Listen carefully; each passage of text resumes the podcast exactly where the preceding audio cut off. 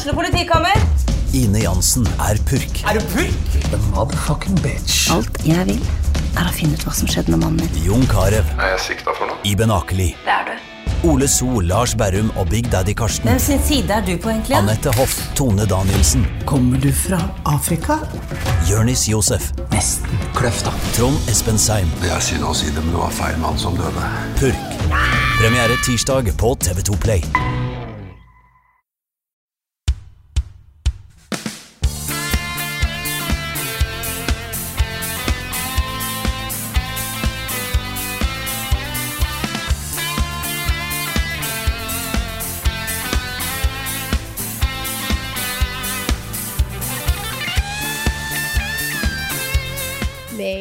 Andre veka av heimekontorsituasjonen. Men det stopper ikke oss. Dette er jo bare business as usual for vår del, eh, nesten. Hallo og velkommen til en ny episode av podkasten Level Backup. Som vanlig har jeg med meg Karl Martin Hogsnes og Grunefjell Olsen, men i dag har vi med ei kjent stemme. Det sjølveste. Vil du ha med fullt etternavn, eller skal jeg bare si eh, hva, Hvordan vil du jeg skal introdusere deg? eh? Det er veldig Du kult å bare være kjent som ett navn, så Ja. um, Ja, du, du velger. Lars. Lars. Sjølveste The one and only Lars i hele Norge. Det er litt Lars sånn som S, Cher eh, og S, ja. Madonna og ja. Ja, Prince. Lars Bringer of Storms. ja. Men eneste LASJ, er det ikke det? Jo. Jo, det stemmer. Jeg må jo si at, uh, at uh, disse koronatidene det har, Vi har jo hatt det ganske hyggelig. Også Vi har jo streama mye mer. Nå kan plutselig Lars være med i podkasten midt på dagen. Det har vært uh, ganske ålreit, altså. Ja, det har blitt en litt mer sånn eh, Vi har jo fått med Svendsen på Nio, og det er liksom Det, er, eh, det, det, det har jo blitt en litt sånn hyggelig community-ting for vår del. Det er ingenting hyggelig med koronaviruset sånn totalt sett, men, eh, Nei. men, men det at vi i hvert fall kan samle gjengen, er jo et lite, et lite lyspunkt i hverdagen. Men hvordan går det med deg, Lars? Du, det går egentlig veldig bra. Bortsett fra at grunnen til at jeg kan være med, er jo selvfølgelig Jeg er ikke i karantene, men jeg er permittert fra jobben min. Eller fra de jobbene jeg har. Så jeg har ikke noe jobb å gå til. Eh, så akkurat det er jo litt småkjipt, men det går veldig bra med meg. Jeg føler meg ikke dårlig, eller sånne ting selv om jeg har hatt litt sånn hosting og litt sånn derre Ja, man har følt at man har vært litt dårlig og sånn, men eh, jeg tror det er veldig mye psykisk òg i disse tider her, da. Er du gæren? Ja, jeg tror eh, godt over halvparten av Norge tror kanskje de har korona. Ja. Ja. Og det, jeg er en av de, så Ja, jeg også. Jeg tror jeg kanskje har korona. Men de gikk jo ut i går og sa Hun seks, var en eller annen seksjonsoverlege eller et eller annet sånt, og så sa bare klart ifra at liksom Hvis du er sjuk og føler deg sjuk, du kan bare gå ut ifra at det er korona. Så da er det sånn Alle har jo det hvis de er sjuke nå. ja. Og Men det så er jo dette det jo peak-tid for å bli forkjølt. Eh, og så kommer jo snart pollen- pollen- mm. og da har jo i hvert fall ja, eh, ja. Kan hende Du, den har er allerede begynt altså, for en god stund siden nå, faktisk. For den eh, Ja, her er det Det har jo vært det, kanskje ikke i Trondheim, vet jeg, men nedover har det jo vært det. Så i mid- mid-februar her så var det jo full gang. Mm. Her nede, i hvert fall. Nei, For her i dag så var det snøstorm. Ja. Igjen. Ja. Wow. Norge, altså. Så, Ja, det er veldig veldig rare dager, dette her. Altså, jeg merker at, um, at uh, det begynner å tære litt på, det å være låst inne i Ja. leiligheten. på en måte Nå går jeg jo opptil flere turer hver dag, da. Og det er jo litt sånn spesielt å gå rundt i Oslo nå, hvor det er folk ser litt rart på hverandre. Og Det er veldig rar stemning. Ja, jeg så det var noen på Twitter som sa at dette er det omvendte av den Pokémon Go-sommeren, og det er helt sant. Ja, Det er det stikk, det stikk motsatte. ja. Sant, ass. Og det, nei, det er, det er veldig rart, og jeg merker bare Altså, jeg sitter jo mye, vi har jo hatt mye hjemmekontor før. Jeg er jo en klassisk introvert type som liker å sitte hjemme og være aleine, men eh, det er noe med det å ikke kunne gå ut, eller i hvert fall ikke Ja. burde gå ut. Mm. Det er veldig rart. Da får man litt mer den der klaustrofobiske følelsen med en gang, fordi man vet man ikke kan. Mm. Og så så jeg en eh, video nå rett før vi eh, møttes på Discord, hvor Gal Gadot, altså hun skuespilleren, Ja, Wonder Woman. ja, satte i gang en sånn kjendisallsang av Imagine, John Lennon. Ja. Hvor hun sang en strofe, og så kom den ene kjendisen etter den andre med hver sin strofe. da Og de var jo da hjemme. De satt med sånne gaming-headsets, eller de var ute i hagen eller eh, i parken. Og så de, var i akkurat samme situasjon som meg og deg og alle oss andre. Det var da et eller annet sterkt med å se det, altså. Hvor du, her er det liksom folk som er larger than life.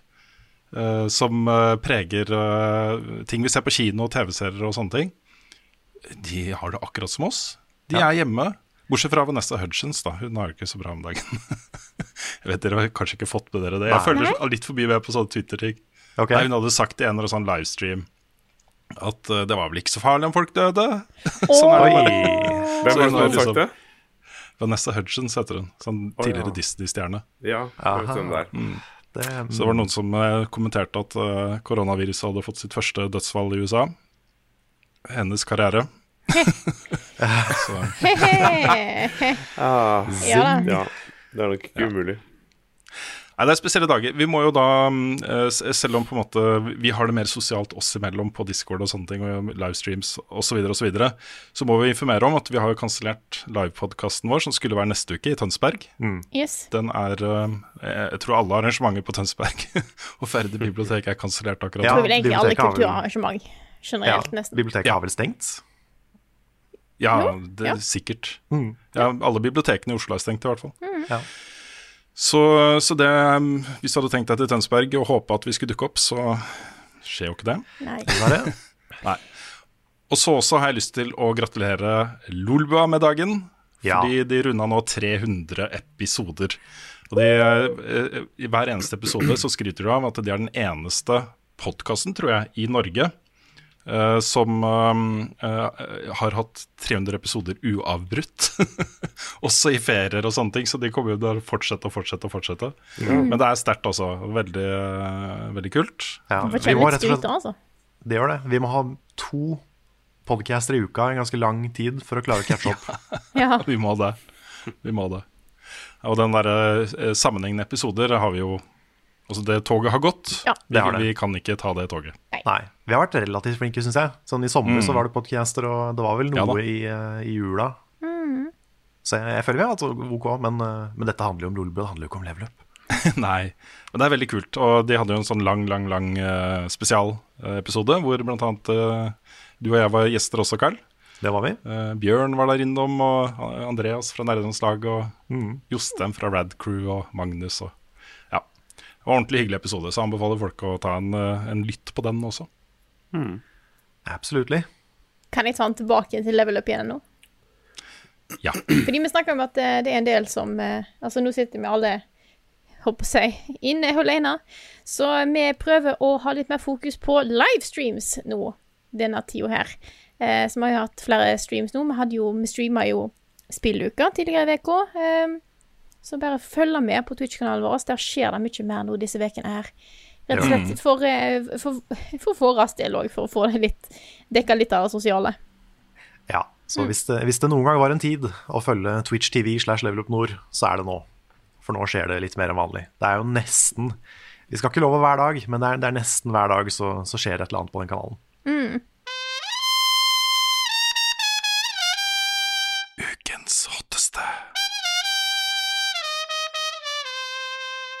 Denne uka her har jeg lyst til å døpe om eh, spalten Ukens hotteste til Ukens smootheste. For vi fikk jo sett på Sony sin stream denne uka her eh, at det er noen som er, kan rett og slett bare kalles Mr. Smooth Voice. Hvem er det jeg snakker om, eh, Rune?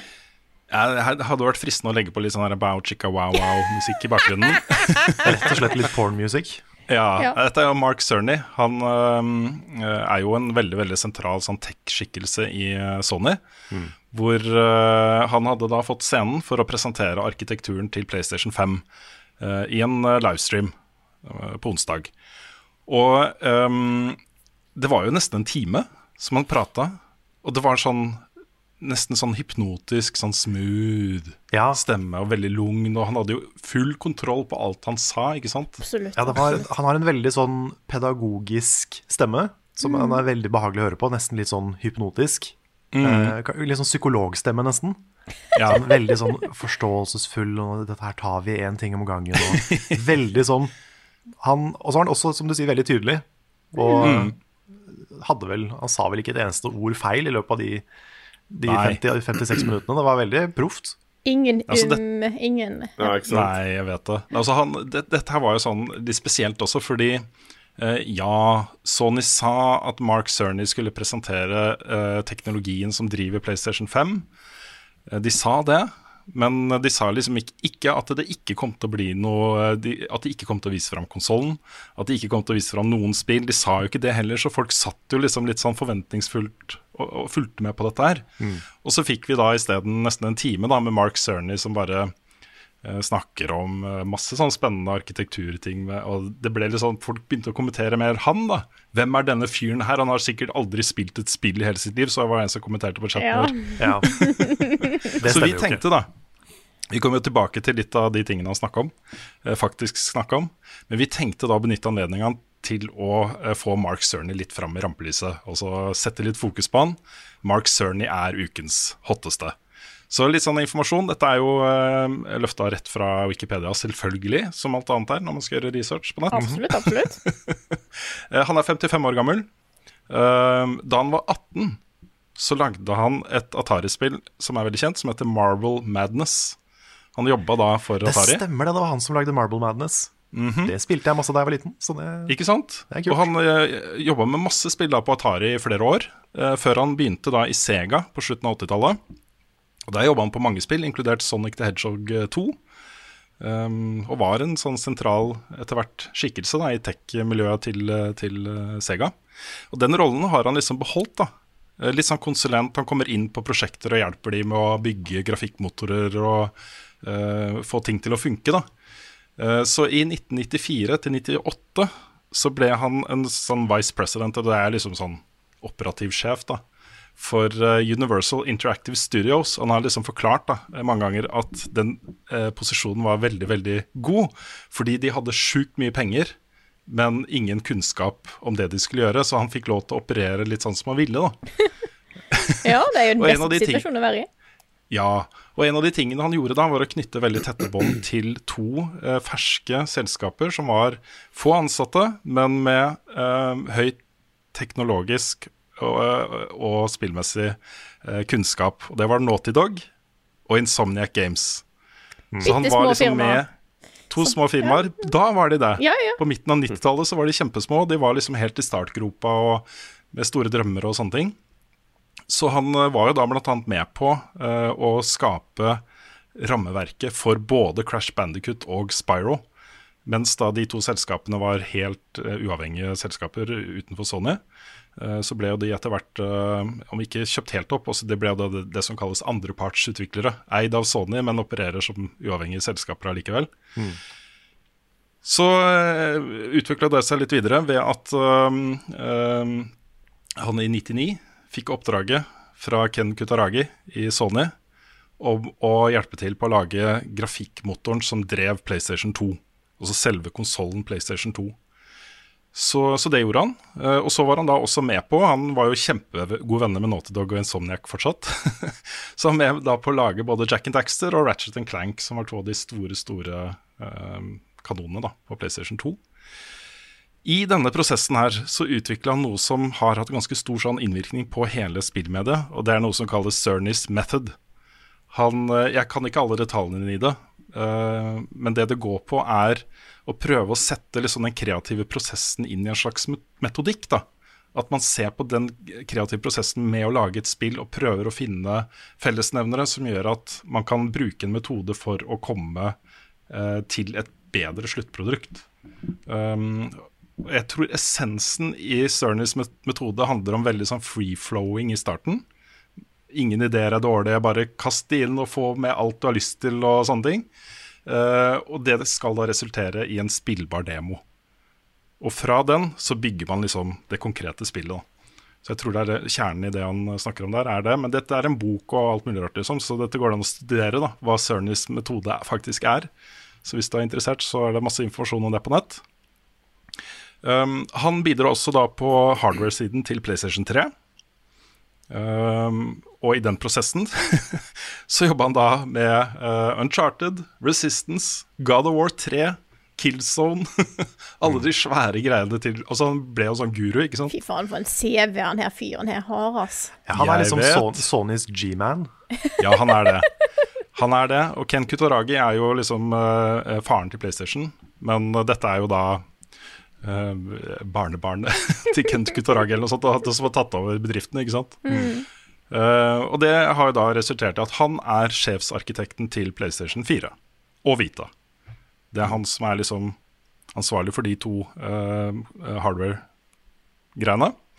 Um, og i den prosessen så var han da med på, som konsulent da, til The Last, Last Guardian, uh, Spiderman hos Insomniac, Death Stranding. Så han er liksom bare rundt og fikser ting.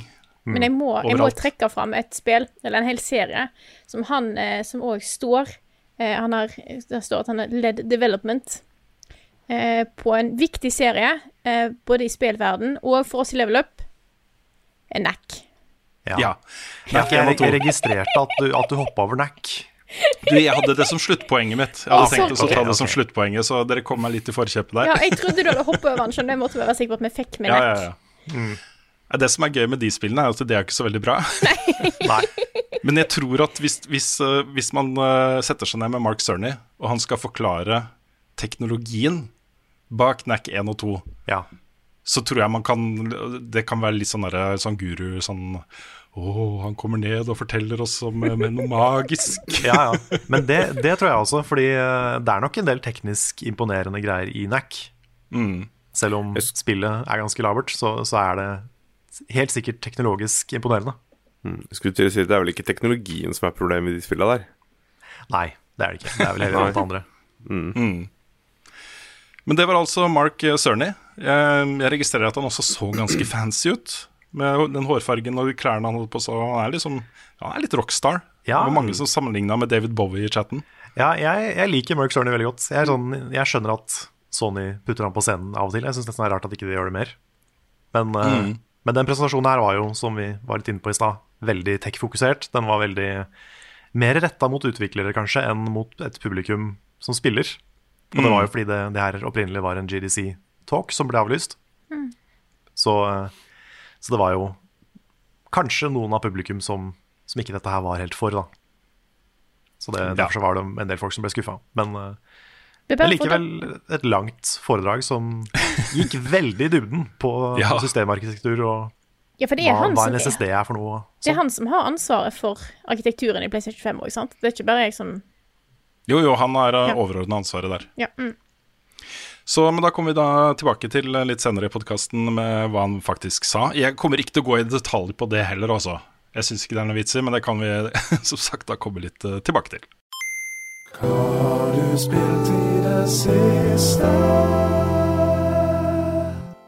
Selv om Sony ikke viser fram noe spill eh, på sin stream, så har ikke vi tenkt å droppe spill i dagens podkast. Vi har jo spilt masse greier siden sist. Jeg foreslår at gjesten vår, Lars, skal få lov til å begynne. Hva har du spilt i det siste? Ja. Du, jeg har um, egentlig spilt ganske mye forskjellig, da.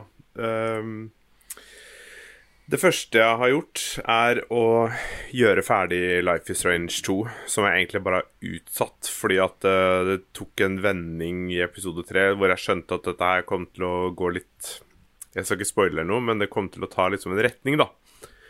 Um,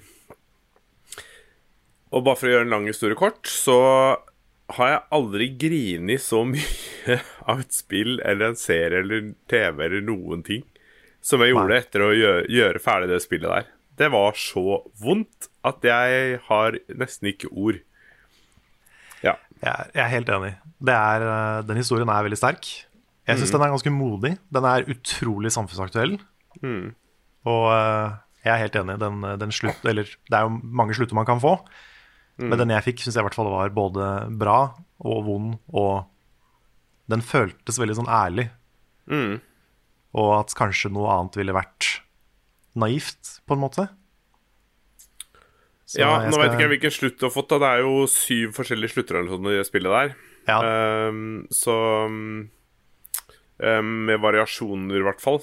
Så eh, Ja, jeg veit ikke. Jeg, det er vanskelig å si noe mer om det uten å gå liksom inn i detalj, da. Men jeg syns i hvert fall det var ehm, det, var det var vondt, rett og slett. Ja. Ja. Men det et, jeg føler det er et viktig spill. Jeg sa jo det i topp top 10-lista mi for 2019, at jeg syns kanskje det var Hvis ikke det viktigste, så i hvert fall et av de viktigste i 2019. Mm. Og det, Ja. det er et spill jeg har lyst til å dekke mer i level up, egentlig. For det, det er kjempebra. Mm. Og så har jeg spilt uh, Detroit uh, Become Human. Ja. Og det også ble jeg veldig fascinert av. Og der var det liksom Der var det én scene spesielt som bare Som var sånn Den var veldig fengende. Og den var også litt sånn Den bring, du fikk fram en tåre. Og det var når Altså, på et tidspunkt her så skal disse androidene du kan velge å få dem til å synge. ja. Og den sangen er så vakker. Rett og slett.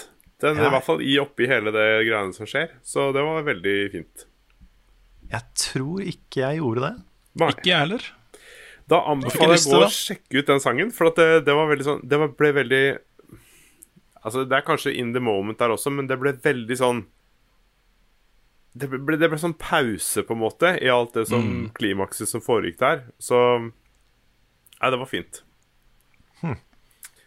De, de sang, det var ikke uh, 'Always Look on the Bright Side of Life' de sang, ikke sant?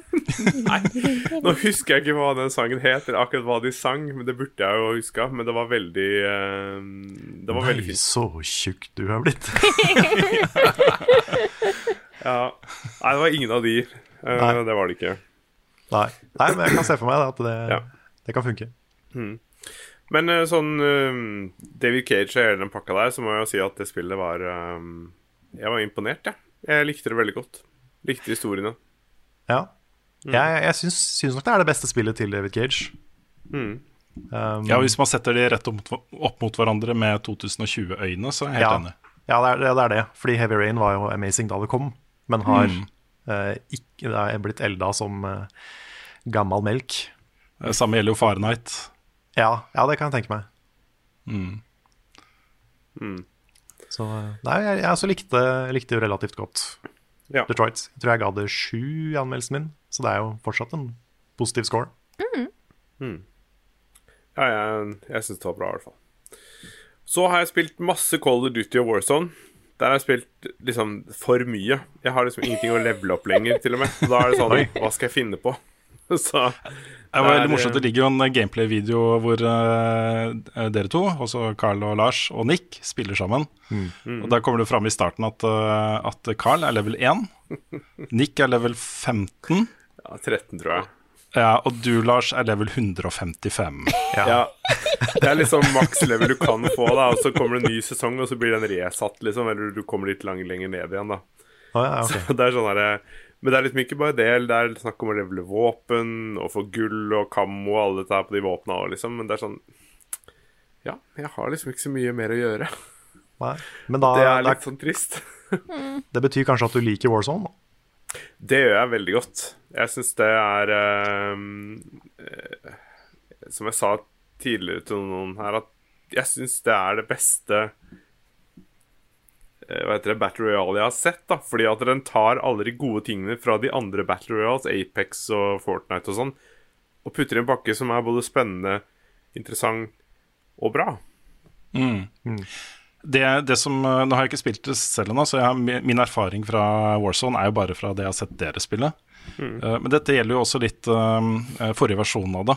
At her har du et spill som basically er uh, eh, PubG, men med sjukt bra teknologi og eh, gameplay. Og alt føles liksom mer solid. da Våpnene mm. føles bedre, bevegelsene føles bedre, osv. Ja, jeg har jo bare spilt eh, de to timene vi spilte. Um, men jeg, er, jeg, tror, jeg tror jeg er enig i at eh, dette er den beste Battle Royale jeg har spilt. Fordi uh, jeg liker spesielt godt den derre uh, fengselmekanikken. Hvor du Mm. istedenfor at du bare dør og er ute, så kommer du i fengsel. Og da har du en duell mot en annen spiller. Og hvis du vinner den duellen, så kommer du inn i spillet igjen. Og Mm. Ja, det er ganske kult. Så du, det blir liksom ikke så fort over, fordi at eh, Ja, som du sier, du kommer inn i den spillet, og selv om du taper den duellen i det fengselet, så kan fortsatt teammatesa dine kjøpe deg ut. Mm. Det er derfor det var så morsomt da jeg sa jeg skulle kjøpe Carl. Ja. Uh, for du kan liksom basically velge en sånn kjøpsgreie, så kan du kjøpe Kan du velge om du kjøper UAV eller kjøpe Carl. Så hyggelig at dere valgte at dere kjøpte Ja. meg istedenfor en armor piece, liksom. Ja, Selv om dere sikkert hadde fått mer ut av den armor piecen, så det var hyggelig tenkt. ja. UAV er radar, da, men ja. Men det, um, det, var, det var kjempegøy. Og, Det var det. det jeg syns det, var- det var veldig morsomt også. Liksom, Det var for det første alltid jeg som ble hunta. Ja, jeg skjønner ikke hvorfor det skjedde. Nei, da fikk jo folk etter meg hele tida. Og i tillegg så var det ofte jeg som sto igjen aleine. Mm. Og det er, også, sånn- det er liksom de to situasjonene som jeg er verst i. Um, og det, Ja, men det det var skjedde gang på gang også. Du liksom ja, ble gjorde aleine, veit ikke hvorfor. Nei, Men når du har med jeg var kanskje litt uh, forsiktig. Ja, når du har med deg oss, så blir det kanskje litt sånn. Men her er det full eh, crossplay, er det ikke det? Jo, Jo, vi spilte, det Nick det. spilte på PC, og vi spilte på PlayStation. Så, Ja. så det er Det det. blir eh, anbefalt å skru på crossplay når du, når du skal spille, fordi det er så mange spillere som skal inn. Så, mm, Men du merker det litt innimellom, altså. At du møter noen PC-folk. Og det, er, eh, det gjør litt vondt, Mm. kjenner jeg. Sånn der Men, PC-folk. ja. Ingenting gærent med det. Det er bare det at liksom, de har jo nødvendigvis lettere for å aime og sikte. Altså alle disse tingene her. Det blir liksom De er kjappere, da. Um, og kan ha en annen field of view og mye, gjøre mye flere justeringer da, på, på grafikk og innstillinger og sånn. Så Ja. Hvis du er dritgod på PC, så har du noen, uh, du har noen fordeler, altså. ja, du har det. Liten tvil. Men um, nei, det er um, Det er uh, veldig kult. Nei, det var Så- kjempegøy. Would, would go Ja. again. Ja, ja, det må vi absolutt gjøre. Vi har vel tenkt å streame òg, skal vi ikke det? Så, Jo, vi har planer om det. Vet ikke helt Mm. nøyaktig dag ennå, men det blir nok uh, neste uke. Ja, neste uke en gang. Uh, hvis ikke jeg kan Hvis ikke jeg får det til her og får hoppa inn, da sånn at jeg kan få streamet det. Så for, ja, Vi får finne ut hvordan vi gjør det med det. Så skal jeg ikke si så veldig mye om det siste spillet, annet enn at jeg begynte i går å spille What Remains of Edith Finch, og da har jeg spilt fem minutter, bare. Så oh, ja. ja, jeg rakk ikke med, for plutselig var det sånn Ah, Warzone, OK. så da, da hoppa jeg ut igjen. Men jeg har tenkt å spille det spillet, for jeg har aldri kommet så langt. Så Det, det er kjempebra. Nå har jeg ja, det spillet også. Det er fantastisk. Ja. Jeg likte veldig godt stemninga i spillet. Jeg var, litt, jeg var veldig og, øh, undrende på hvordan det spillet skulle være og se ut og føles og sånn. Men jeg likte veldig godt stemninga og stemmen til hun som snakker, og hvordan de har putta inn teksten inn i bildet og sånn. Så um, ja, eller omverdenen, da. You ain't seen nothing yet. Nei, jeg tviler ikke. Så Nei, det det spillet vokser. Og så spilte vi en runde Civilization 6 her på søndag. Det var konge. Kunne liksom endelig samle gjengen igjen og spille det. Åh, det er kos, ass. Selv om man Civilization taper. er kos. Ja. Ja. Yes. Nei, det er vel det jeg har spilt, sånn grovt sett. Yes, Hvem har lyst til å ta over? Jeg kan Jeg- ta over. Ja, samme for meg. Da tar du over. Ja, ok, da tar jeg over. Jeg har jo um, Trenger ikke å snakke så mye mer om Warzone, for det har vi, har vi prata om alt. Men um, jeg har jo da omsider kommet meg gjennom Nio 2. Oho, gratulerer. Takk, takk. Det har vært en uphill climb uten like. Jeg tror fortsatt det er det vanskeligste Souls-like-spillet jeg har kommet meg gjennom. Det, altså, jeg sleit veldig første gang jeg spilte Sekiro, fordi jeg måtte lære meg det på nytt. Altså, jeg måtte lære meg en ny måte å spille på. Men Nio 2 var vanskelig fordi det var utrolig mange systemer å lære. Jeg, måtte liksom, jeg kunne jo noe av det fra Nio 1, men samtidig var det sånn flere år siden jeg spilte, så jeg måtte lære meg litt av det på nytt. Men i Nio 2 så har du liksom Du har jo stances fra det første spillet. Du har Blacksmith som gjør masse forskjellige ting som er litt komplisert, og du har masse gear som dropper hele tida. Det er jo sånn Diablo-loot-system hvor det bare regner våpen og armor fra fiender hele tida. Wow. Og der er det forskjellige perks som betyr forskjellige ting. og Det er ikke alle som forklarer seg så bra. Og det er veldig, veldig veldig mye å sette seg inn i. Og du har burst counters, som er en slags sånn super parry, hvor du blir til et sånt svært monster. Og du, har, du kan bli til det yokai-monsteret ellers, hvor du kan være det monsteret i noen sekunder. Og du har super moves, som du kan farme fra fiender. Det er så mye greier. Og det var litt utfordrende å sette seg inn i alt sammen merka jeg. Og det, dette er et spill som er så vanskelig at det krever at du gjør det.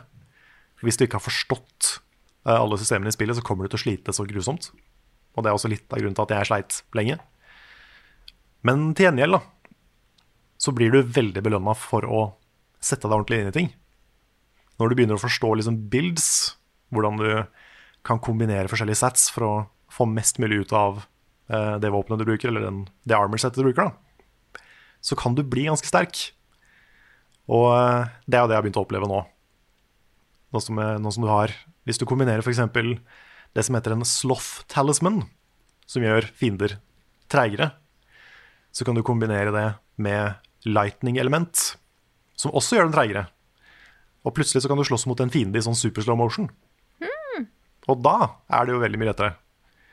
Så um, det fins en del sånne kule triks og kule komboer med ting som uh, kan gjøre ting veldig mye lettere. da.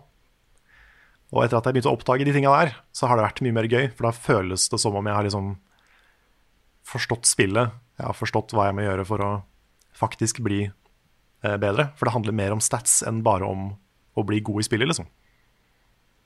I motsetning Nei. til Souls, som er mye mer fokusert på at du skal bli god. Armor har ikke så vanvittig mye å si. Men er det sånn at det, det høres ut som det er veldig mye nye elementer og mye nye ting og veldig mange mekanikker for, som du på en måte må mestre, som du sier. Men er det bedre enn det første, når du får så mye nytt? Eller er det sånn Du må liksom veldig, veldig veldig over den kneika før du liksom får det til, og når du først mestrer det, så blir det bra? Eller Ja, det er, det er Jeg vet ikke om jeg synes Det er vanskelig å si om det er bedre enn 9 og 1. Altså, totalt sett så tror jeg det er det. Men det bruker jo veldig mye av 9 og 1 også. Det bygger liksom videre på det føles som en expansion til det første spillet. Med den samme grafikken, de samme type våpnene, men noe nye, da. Og eh, samme animasjoner, samme menyer, samme Så det er veldig ehm, Det er veldig likt 9 og 1. Men det at du f.eks. har en character creator, er kjempekult. Det at du har eh, den der yokai-moden, som blir en sånn limit break, uh, den er kjempekul. Burst counter er kult. Så de har lagt til mye bra. Og det de har lagt til, er uh, ganske betydningsfullt, da. For å gjøre det, for å få det til å føles litt, litt fresht. Så uh, jeg nesten hata det ganske lenge, fordi det var så utrolig vanskelig. Men uh, etter ganske mange timer, sånn kanskje 20 pluss timer, så har jeg blitt veldig glad i det. Ja. Og nå, nå er det sånn ordentlig gøy. Nå, nå, jeg, har, jeg har fortsatt å spille det. Og jeg har jo nå uh, kommet ganske dypt inn i New Game Plus og driver og fiser gjennom det. Og det, da har du liksom en ny type gear som er, som er grønn, som gir deg enda flere perks, så du kan gjøre det enda sterkere. Og det, det å bygge liksom karakteren din blir kult etter hvert. da Når du får tilgang til forskjellige verktøy og sånn. Det er ganske mange timer å bruke for å liksom like et spill. 20-30 timer. Ja. Og det er jo Det det er ikke... ikke det at spillet Det er ikke det at spillet er dårlig, det er bare det at det er så vanskelig. Og for noen så er det kanskje ikke så vanskelig. Jeg vet ikke om Ja, nei, jeg mener at du både skal like det For å like det, så må jo du mestre det, tenker jeg, da. I hvert fall til en viss grad, ikke sant. Historien er jo én ting, men så skal du mestre det gameplay som er der også. Og da mm, Ja, så jeg tror målgruppa er kanskje litt mindre enn i Souls. Fordi det er såpass mye å sette seg inn i, og man må være villig til å liksom lære seg alle de forskjellige mekanikkene. Da. Og det er en, en tall order for, for mange. Jeg brukte lang tid på det. Jeg slet Men, veldig mye med det første spillet, i hvert fall. For det Jeg vet ikke hvor mange timer jeg brukte på det, men jeg, kom, jeg fikk jo aldri det til ordentlig. Sånn som Sekiro, jeg mestrer ikke det heller, men det syns jeg fortsatt er gøy. Selv om jeg ikke kommer videre eller får det til. Eller kanskje jeg bruker en time, og så har jeg tatt to fiender til, og så mm. Jeg gadd ikke å spille forbi eh, England jeg i 9 og 1. Nei, Nei. nei da, da ga du deg litt tidlig. Mm. Men eh, nei, for 9 og 1 var også litt sånn. Fordi man litt sånn instinktivt spiller det som et soulspill. Og så merker man at uh, da får man mye motgang. Og da er det tungt. Og jeg, det er ikke sikkert jeg hadde orka de 20 timene hvis ikke jeg skulle anmelde spillet. Nei. Da kan det være at jeg hadde gitt, gitt opp. Men nå merker jeg at jeg er glad for at jeg ikke ga opp. Fordi det er et veldig veldig bra spill her, og combaten er kjempebra. Det er utrolig sånn fluid. Det er veldig uh, kjapt, veldig uh, responsivt. Og du kan spille på så mange forskjellige måter. Du, har liksom, du kan være en ninja, du kan være en eh, mage, som bruker sånne talismans. Eller du kan ha dual blades, som er det jeg kjører. Eller du kan ha et sverd, du kan ha sånne Jeg husker ikke hva de heter alle sammen, men tonfa er en ting. Eh, økser, spyd. Og det er veldig forskjellige måter å slåss på, da. Og alle har jo, hver sin, alle har jo tre stances. Så du kan bruke hvert våpen på tre forskjellige måter. Så det er utrolig mye options. Og det er, det er, det er både positivt og negativt, da, for det er jo eh, det som gjør at det også er ganske overveldende. Men eh, det tok lang tid, men nå liker jeg det veldig godt. Så det, det, jeg kommer til å være positiv i anmeldelsen, men eh, jeg kommer også til å snakke en del om at det er en eh, ekstra bratt læringskurve. Men jeg føler at du mestrer de spillene her ganske godt, da. Så jeg tenker at hvis en vanlig dødelig skal liksom bli anbefalt å bruke 30 pluss timer for å bli god i det spillet, så Ja, tror jeg ikke Det frister ikke. Nei, men, men tingen er da For jeg har sett litt på Reddit og sånn Og det er noen folk, selvfølgelig Det er alltid noen folk Men det, er, det virker som noen liksom sier at de synes det er lettere enn eneren Og at de synes det er uh, sånn, Jeg liker det, men jeg synes kanskje det er litt for enkelt da. Og det er sånn Hva har, hva har du røyka liksom? Jeg, Ja. ikke, altså, jeg, jeg skjønner ikke det. For meg så er det sykt vanskelig. Men det, altså, det kan hende at jeg har kommet skjevt ut med min bild At Dual Blades er dårlig i starten Et eller annet. Det vet jeg ikke. Men eh, for meg så var det veldig vanskelig i hvert fall Men det er ikke sikkert alle kommer til å synes det er like vanskelig som, som jeg synes. Og kanskje det er Souls muskelminne som gjør det for meg også. Så, så det det, kan det, jo Men det er tøft. Så, så um, bare tenk litt på det før man hopper inn i det Men det er også veldig bra. Det var Yes. nesten hele, hele anmeldelsen min Men det kommer også en, en livestream av anmeldelsen. Yes, eh, vil du fortsette, Rune? Doom. Har du fått Doom, Rune? Doom Eternal. Det lanseres jo i dag, når podkasten er ute. Um, jeg fikk det ikke før um, ja, i går, da. På onsdag kveld dukka det opp. Så uh, jeg har jo bare spilt uh, de områdene som jeg spilte da jeg var i Stockholm tidligere i vinter. Jeg har ikke kommet noe lenger enn det. Men det er jo altså Det er jo Unnskyld, altså, nå må jeg bruke et sånt ord, men det passer, det, er, det passer så godt her. Det er jævlig gøy. Og det Jeg tror vi skal tillate um, det denne gangen her, Rune. ja, fordi det handler om helvete og alt det Ja, der, ikke sant? Mm. Demoner og Handler om helsike Helsike. Nei, for det er Altså, dette er jo et puzzlespill med utrolig mye uh, vold. Hvor du kommer inn i et område hvor det er eh, et, et gitt antall fiender, og forskjellige typer fiender og sånne ting. Eh, alle har forskjellige weak points, og noen er kraftigere enn de andre. Og, og så må du liksom Du må knekke den nøtta da, som den battlefielden er. Du må komme deg gjennom alle fiendene før kanskje veien da videre åpnes opp. Um, og det blir en sånn derre Ok, du må først ta den, og så ta den, og den må du ta på den måten, og den må Å, nå har jeg lavt helse, da må jeg ta noen med chains og Eh, ikke chainsaw, det er da du har sånn melee uh, finisher. Uh, mangler ammo, da må du bruke chainsaw. Også det er en sånn veldig sånn taktisk ting, men det går jo så fort. Og må, det er så høy hastighet på alt også, måten du beveger deg på, uh, våpenet du bruker, alt bare er skikkelig pumped, da. Så jeg sitter liksom sånn med skuldrene hevet, sånn fremoverlent over tastaturet og bare er helt inni det, ikke sant? Eh, og veldig gøy. Veldig stressende, men veldig veldig gøy og veldig vellaga. Det som kan bli en issue for meg, er eh, alt, alt de har døtta inn av historie her. Fordi, fordi også, Ja, greit, det er ikke så mye av det, det er ikke plagsomt og sånne ting. Men øhm, jeg er liksom Jeg liker litt den der ideen om at Doomguy er litt mystisk, da. Jeg vil ikke vite for mye om hvem han er, på en måte. Og de legger litt opp til her nå at du skal få litt bedre Kjenne Doomguy litt bedre, da. Du vil bare inn og drepe monster, du, Rune? Ja, jeg vil liksom inn og drepe monstre. Jeg syns det er litt, bitte, bitte lite grann forstyrrende. Ikke mye, da. Eh, Men alt, også alt det andre, musikken og måten det er bygd opp på Det er litt sånn derre Ikke mekanisk, kanskje, men de har satt seg ned og virkelig liksom tenkt på alle miljøene. Hvor de skal ha secrets, eh, alternative paths osv. osv. Det er veldig sånn nøye planlagt, da. Alt mulig rart, liksom. Eh, og det gjelder jo også måten du spiller på, måten du oppgraderer våpnene på, osv. Så, videre. så det er en liksom puslespill av mange elementer som til sammen blir ganske engasjerende. Så først og fremst så vil jeg bare si at Doom er gøy.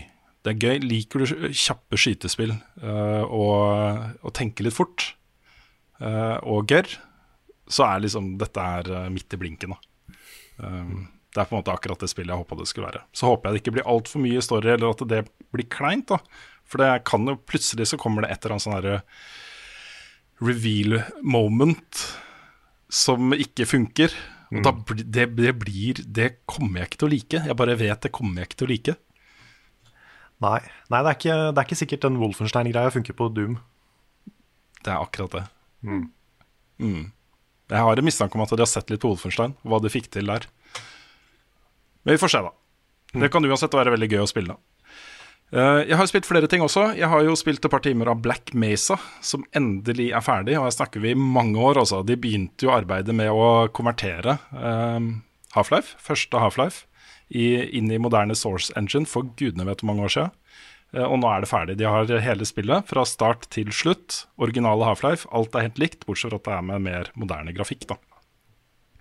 Og det var kjempeartig. Og dette er jo et mod, et, et sånn frivillig mod-prosjekt en eh, mer eller mindre proff gruppe modere som har satt seg ned for å gjøre dette her. Um, og det, det, det, var jo rett og slett bare gøy. Det var kjempebra.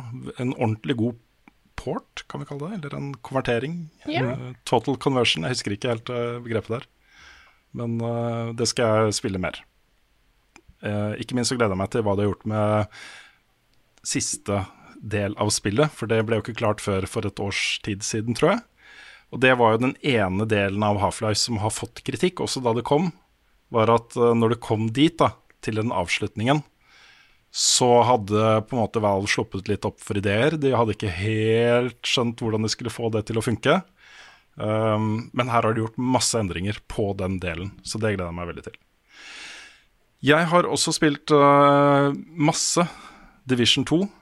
Og jeg snakka jo litt om det for to uker siden. Da hadde jeg jo spilt Warlords of New York, som er en stor expansion. Den syns jeg er veldig bra.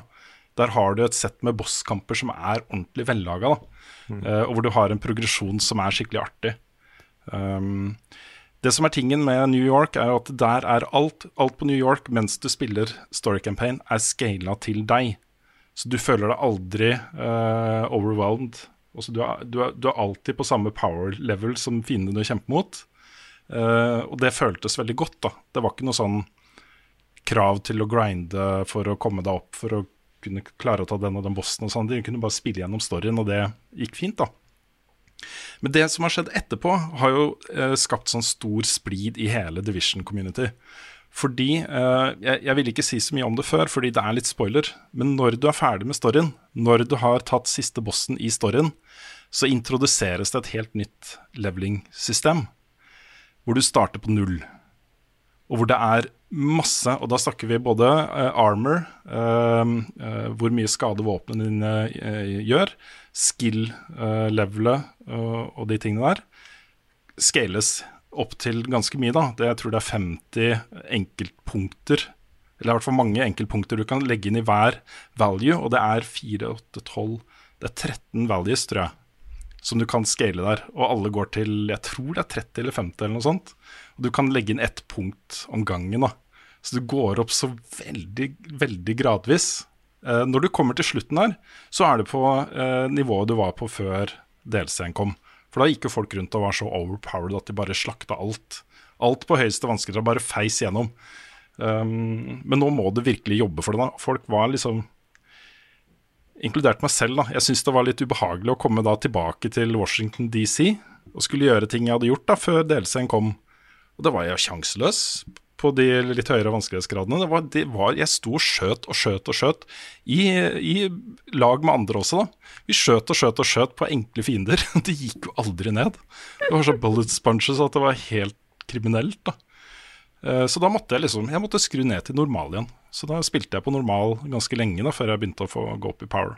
Det var litt mm. rart, altså. Det føltes litt rart. Og mange er sure for at alle bildene deres er borte, og de må bygge på nytt og sånne ting. Ja, da det er et interessant valg, mm. må jeg si. Mm. Men det, er litt, det jeg har gjort, da, er at jeg har spesialisert en uh, marksman-skill uh, uh, og klasse, hvor jeg bruker en marksman rifle, som jeg er Måten jeg bruker det på, er litt mer sånn scout rifle enn en sniper for jeg har kort uh, zoom på den og sånne ting. Uh, og alle skills uh, og mods og sånt legges inn i sånne ting som headshot damage, weapon damage, damage to elites. Og det scaler med Altså det bygges på hverandre, da. så du kan ha fire mods som gir deg 15% increased weapon damage. Det blir liksom 15 pluss 15 pluss 15 pluss 15. Uh, og det, til slutt så sitter du der med et våpen som gjør mange millioner i damage. Og det er ganske kult, da. Så, um, så da gikk seg litt til, etter at jeg begynte å få tak i litt sånn armor-ting og sånn som gjorde at jeg kunne gjøre mer damage, da. Så da begynte det å bli gøy igjen. Men jeg har jo satt det litt på pause, fordi eh, for en drøy uke siden så kom uh, nye sesongen av Destiny 2. Season of the Wordy. Og nå er de langt nede i idékassa her, altså. Nå er det ganske tydelig at uh, Bungie sitter og jobber med det neste. Om det er en svær uh, delsett i høsten, om det er den som kommer til sommeren, eller om det er Destiny 3, eller hva det er, det vet jeg ikke. Men det her, nå gir de folk det minste av det man kan forvente, og håper at det skal gå bra. Kan, kan jeg legge til en ting om 9 og 2? Ja. Fordi jeg har også testa Coop med Nick og Svendsen. Mm. Og det er kjempegøy. Og det er ganske kult det de har gjort der, fordi du har sånne ekspedisjoner hvor du kan eh, starte på en level eh, alle tre samtidig. Og ingen er sånn som må svømme oss inn til hverandre og sånn. Det er bare alle tre starter på samme level. Og da kan du spille gjennom hele den, og revive andre spillere og sånn. eh, som en multiplayer mission. da Og da får alle progresjon i spillet, og det er Det er kjempekult. Ja, det er kult. Det er det første, første sånn Souls-like-spillet jeg har sett det i. Um, men til gjengjeld da, så har du en sånn bar som går nedover. Og hvis den går null, uh, avhengig av hvor mange ganger man dør underveis, da, da uh, taper man hele mission og må begynne på nytt. Så um, det er en veldig kul mode. Jeg ville bare, bare legge til det. At du Ja, for kan du avbrøt meg midt i en setning, så jeg var ja, ikke sorry. sorry. jeg trodde du var ferdig. Sorry. Å ja, nei, jeg er ikke helt ferdig. Eh, jeg, jeg vil bare si at Det nye er jo Trials of Osiris er tilbake. Eh, PVP-moden, som er blitt så hardcore nå. Jeg spilte med noen randoms, da. Uh, Tapte alle kampene. Helt uh, sjanseløst. Folk er så altfor gode der nå, så det, jeg tror ikke jeg kommer til å bruke noe tid på den. Men det jeg har gjort da, eh, i disse koronatidene, er jo at jeg har fremskutt den der at uh, ungene mine får lov til å spille online-biten litt. Så nå har da eh, sønnen min fått en online-konto på PlayStation, eh, og tilgang, og så en, bruk, en character i Destiny 2. Ja, jeg så det. Ja, så han spiller jo da den eh, New Light-versjonen, som er gratis, foreløpig. Eh, jeg vil se at det, at det setter seg litt før han eh, får full til tilgang til alt, da. Men vi har jo spilt litt i Fireteam på PlayStation, og det er jo så utrolig koselig. det er så utrolig koselig å spille sammen med han. Eh, og vi gjør jo bare sånne koseting. Tar litt eh, patrols og eh, tar litt public events og, og sånt mens han scaler. da. Så nå skal jeg snart liksom begynne å ta han med på strikes og litt gambit og, og Det er uh, nice, altså. Det er kjempegøy. Hva syns Sam? Han, han sier jo det er det beste spillet han har spilt noen gang. Dere er i familie, ja? Det, Ja, han er det. Han har fått med seg at, eh, at jeg er glad i det, vet du. Så, ja. Ja. Han går ikke tom fram òg. Ikke foreløpig. Foreløpig så går det greit. Bra. I taught him well. det er bra. Men eh, ja, nei, det er kos. Det er jo en sånn derre Det er et valg jeg har tatt da for mine barn. Jeg vet at han, eh, han takler det. Han er jo ikke så gammel. Han er ikke gammel nok egentlig til å spille Destiny 2. Eh, og jeg syns heller ikke han er gammel nok til å spille online fritt, da. Eh, så jeg har gått inn og gjort masse sånne innstillinger på kontoen hans. Med hvem han får lov til å spille med, og hvem som får være og hvem, hvem som får se aktiviteten hans i spillet og alle de tingene der. da. Um, så hvis folk er litt i samme situasjon, så vær litt nøye på det også. Ikke gi eh, folk, også barn, fri tilgang til online-mulighetene på en konsoll eller på PC. Det, ja, det vil jeg vente en stund med, da. Høres veldig lurt ut. eh, ja. ja, dette skjedde jo fordi fetteren hans har jo bursdag til helgen. Og det blir jo ikke noe bursdag hos noe selskap, da. Noe familieselskap og barneselskap og sånne ting. Så øh, søstera mi øh, spurte jo da om ikke kanskje vi kunne fått inn noen on online-spilling, da. Noe Minecraft eller et eller annet. Da måtte jeg jo sette meg ned og finne ut om jeg fikk til det på den kontoen hans. Så det var sånn det starta. Det, dette her er jo en veldig fin måte da å holde kontakt med venner på og sånne ting. Så jeg har gått ut da til klassen hans uh, på skolen og sagt at vet du hva, nå har vi en online-konto, vi har muligheten til å spille mot andre. Er det andre som er i samme situasjon? Så kanskje prøve å få til litt sånn sosialt uh, samvær, da. Selv om man ikke har lov til å møtes uh, fysisk. Veldig, veldig godt valg av deg der, Rune. Jeg er komfortabel med det. Skal jeg ta over litt? Grann? Mm, hvor mye Yeah. Animal Crossing har du spilt, Frida? Jeg har spilt ingenting, for jeg har ikke fått Ja. det ennå. Det det er veldig trist, det der, altså. Det er det, og det er jo det at jeg sitter jo Jeg sitter jo og venter på pakken fra Nintendo. De har fått adressa mi. De har, håper- jeg håper jeg har sendt spillet. De har, de har det. Ja, jeg tror det ble sendt, men eh, det ble sendt med et, eh, et, um, sånn postselskap som vi tidligere Jeg har ikke lyst til å si Ikke sant. Nei, men Vi, altså vi har tidligere kommet med litt kritikk Ja. av leveringsrutinene til dette selskapet. Jeg har sånn sett egentlig Altså, jeg personlig har veldig lite dårlig erfaring med dette selskapet, egentlig. Eh, jeg kan si at jeg har allerede ting, Siden det ikke er vanlige posten, så vet jeg liksom ikke helt hvordan det kom, kommer det i postkassen min. Får jeg en hentekode? Hvordan funker dette her? Jeg er litt sånn usikker, så jeg driver og sjekker postkassen min. Eh, posten har allerede levert for dagen, eh, så det er jo litt trist.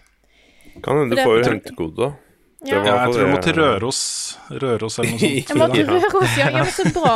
Siden eh, jeg har fått full eh, band fra NTNU om å ta kollektivtransport. Mm, Jeg må ta lappen, du må ta lappen, og så må du Ja. kjøre bil til Røros. Eh, Ta jeg lappen har for å lappen, hente hentelappen. har Du har lappen, ja? Nei. Nei. Eh, så ja. Nei, så jeg sitter jo og venter på det, da. Så eh, jeg driver jo og døver smertene, med Nei da, eh, det går jo fint. Jeg har jo eh, Jeg kan jo snakke om det jeg faktisk har spilt i det siste. Jeg er jo ferdig med Ori and The Will of the Wisps. Da ble jeg eh, For noen dager Da ble jeg Det er noen dager etter vi spilte inn forrige podkast. Eh, da måtte jeg sende en snap til Carl. Eh, for da var eh, Du sa at du grein av eh, eh, Life is Strange, eh, Lars. Jeg grein noe så inn... Det altså Det var helt tullete. For jeg er jo emosjonell av meg. Eh, jeg griner jo av det meste. Men der òg var det Det var en eh, Det liksom bare rant. Fra liksom Fra alt. Av liksom øyne, og, og så måtte jeg grine så mye at det begynte å renne av nesa. Det var bare helt Jeg så jo ikke ut. Og Petter snudde seg bare sånn Går det bra? Jeg bare sånn Ja, det går det går jo helt greit. Det, det. så eh, Men det er jo trist, da. Eller, altså det er det. Ja. Det er, jeg synes det er mest Jeg er veldig glad for at spill og sånt kan gi meg sånne opplevelser. Det setter jeg utrolig pris på. Eh, og nå er jo anmeldelsen min av ordet ute.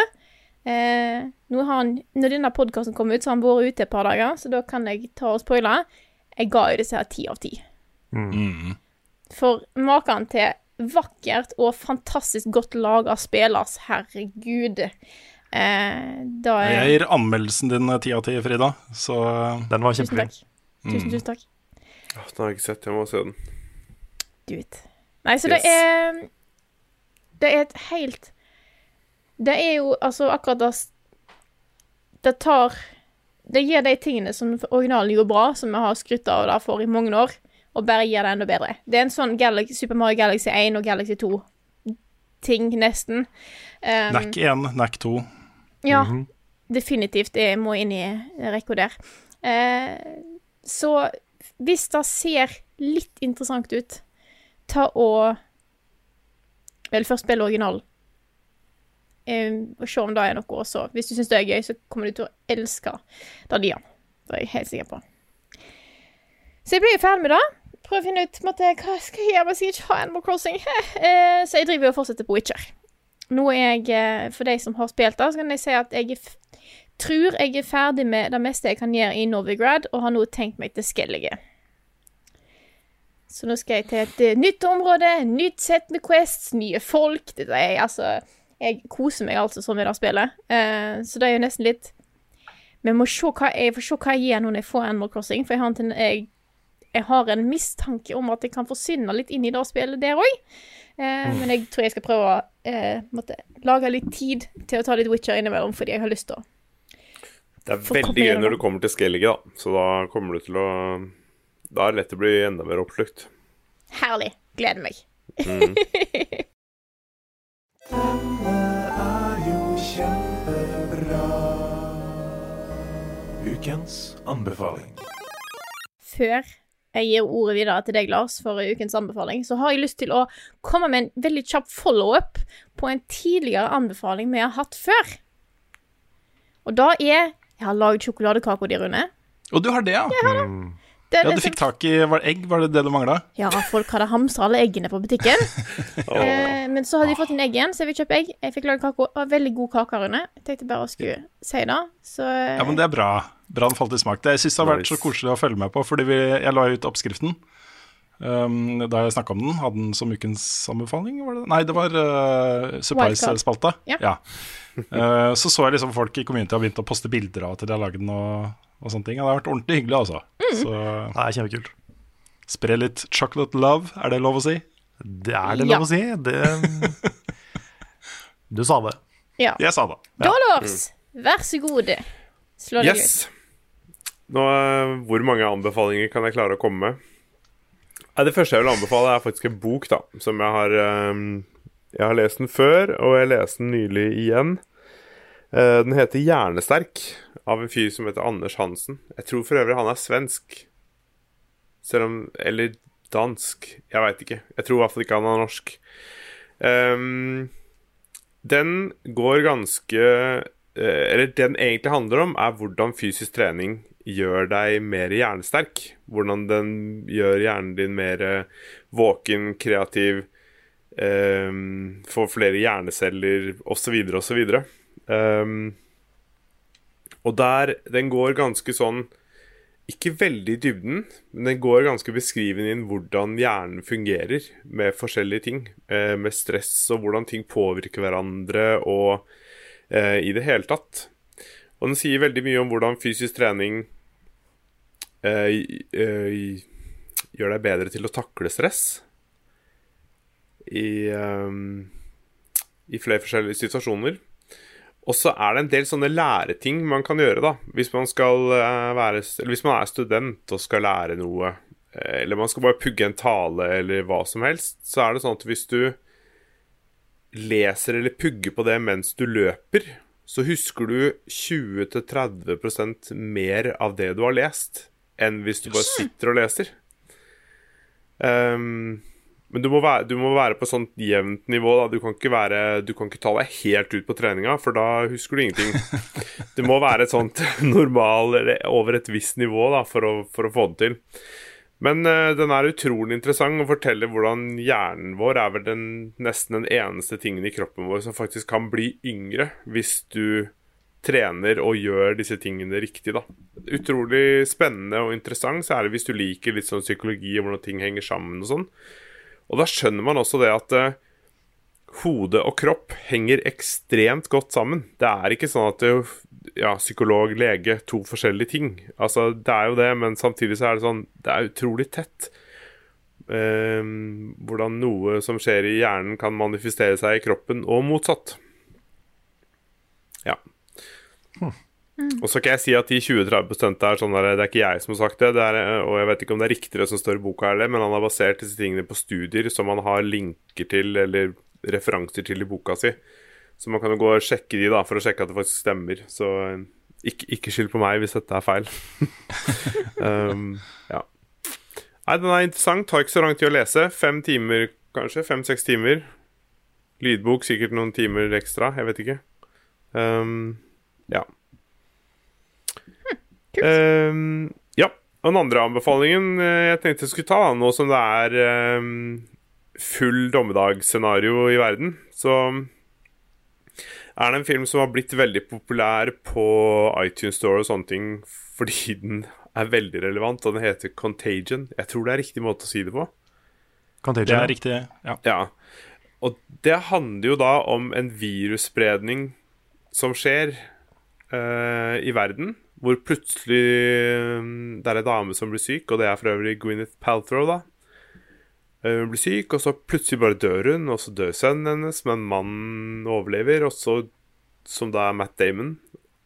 Og så er det den derre hvordan dette her sprer seg i verden, hvordan de må isolere, hvordan de snakker om eh, hvordan det kan mutere og alle disse tingene her. Og det føles jo ut som om det er det som faktisk skjer nå. Så Dette vet jeg ikke om jeg klarer å tro på, altså. Det virker litt for fantasy. Ja, ikke sant? Det er sånn her, det kommer aldri til å skje. Det er sånn, Nei, nei. ja. Jeg er sånn delt på om jeg har lyst til å se den type ting eller ikke, da. For det er eh, Jeg syns på en måte virkeligheten er eh, tett nok som den er, på en måte. ja.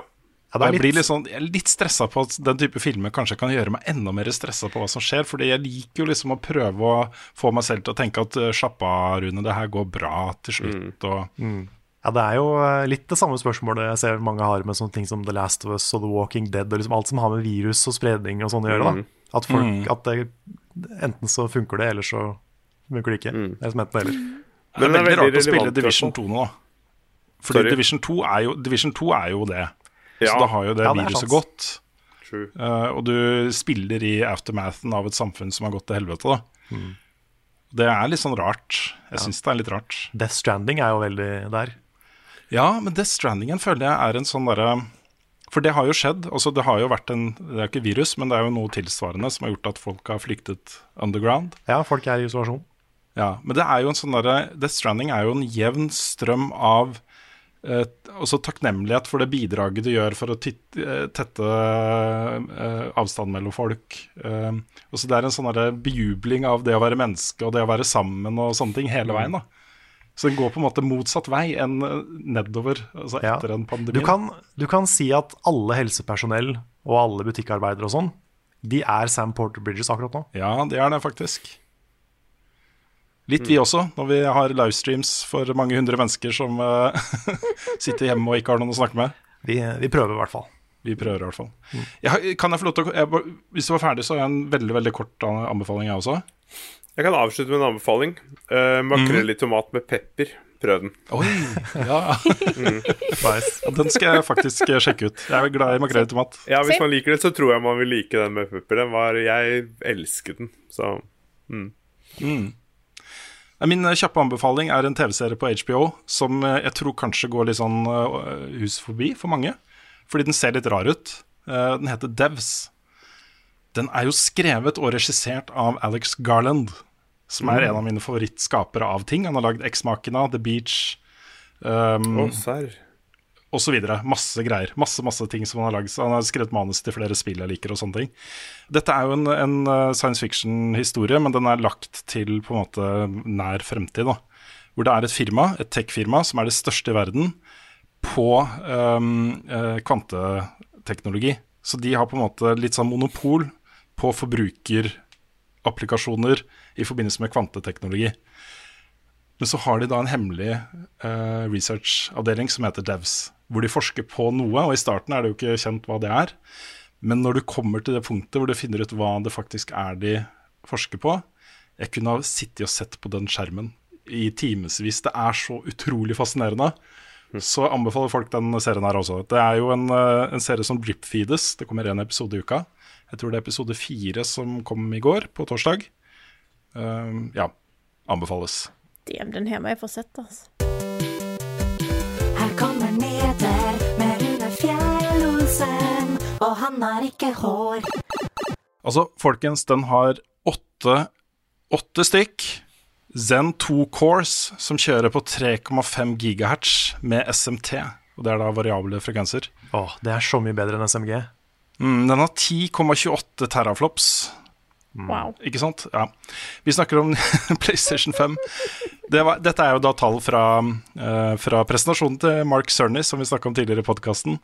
og det er, det er jo tall, det er mange tall, og det er mye, og han gikk jo veldig sånn detaljert gjennom hva alt dette faktisk betyr. da. Uh, men han gjorde det også på en veldig pedagogisk måte, så hvis du er interessert i spilldesign og eh, hardware-arkitektur og sånne ting, mye snadder, altså. Mye snadder. Selv om han fikk liksom altså, I starten så forklarte han brukte han mye tid på å forklare forskjellene mellom SSD-er og vanlige harddisker. Uh, som jo er for så vidt ganske godt kjent fra før, da, men det, er, det, var, mye, det var mye sånn faktainformasjon om hvordan de tenker da på hardwarebygging. Ja, Det var også en del info om hvorfor den SSD-en funka bedre enn andre SSD-er, f.eks. Ja.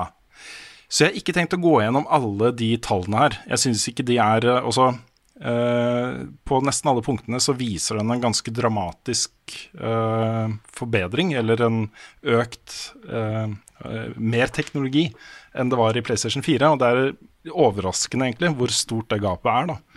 Um, det tegner seg på en måte et bilde av en konsoll som blir veldig kraftig. Eh, og så ser jeg også at når man sammenligner da Xbox Series X, som er det neste til Xboxen, eh, og PlayStation 5, så er det på noen felter så er liksom Xbox høyere, og på noen er PlayStation høyere og sånt. Men i sum så blir dette her to veldig, veldig kraftige spillkonsoller. Det er et tall som er vanskelig å sammenligne direkte. For det handler ikke Ja. nødvendigvis om bare de tallene, det handler om hvordan du faktisk utnytter den kraften som er der. Mm. Eh, Så det tror jeg vi vil se mye mer av når faktisk det begynner å komme litt spill på disse konsollene. Ja. Og det som har størst eh, og mest dramatisk eh, effekt på oss som spiller, da, det er jo det han også brukte mye tid på i starten. Og det, det handler om SSD-disken, som nå er innebygd. Eh, Du kan jo sette inn SSD-disk i PlayStation 4 også. Du kan bytte ut den som allerede er der, med en SSD-disk, og det mange har gjort det. Men spillene er jo ikke på en måte optimalisert for det, så du får Selv om du får liksom ganske betydelig lavere lastetider og sånn, så er det jo ikke i nærheten av det de sikter mot her. Og det de sikter mot her, det er jo at ting skal loade automatisk instantly. Når du starter et spill, når du går inn i et nytt område, eh, når du snur deg eh, 300 180 grader i et område, at alt bare popper inn og loades med en gang. da. Det er ikke noe eh, lasting i det hele tatt. Det skal Og bare skje. Og sammenlignet med PlayStation 4 så er jo dette revolusjonerende opplegg. Absolutt. Så jeg skjønner hvorfor de fokuserte så mye på den SSD-disken som de gjorde. Mm. Jeg har også sammenligna med den eh, opplevelsen her å spille på PC. Eh, mange av disse spillene som bruker opptil flere minutter på å loade og komme seg inn i.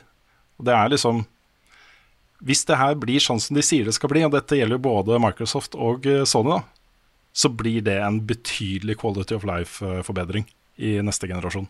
Og så fikk jeg jo også inntrykk av at det var lett Eller du kunne òg installere flere. Eller i hvert fall én til SSD-disk. Ja, den har Altså, én ekstra SSD-disk-slott. Um, og den som er, er der allerede fra før, da, den er på 850 um, gigabyte, som du har tilgjengelig. Uh, på den ekstra slotten så kan det jo Det kommer jo sikkert SSD-er med uh, opptil flere tera, terabyte med lagring. Ja, hvis du har penger til det, så Akkurat det er dyrt, det. men uh, Ja.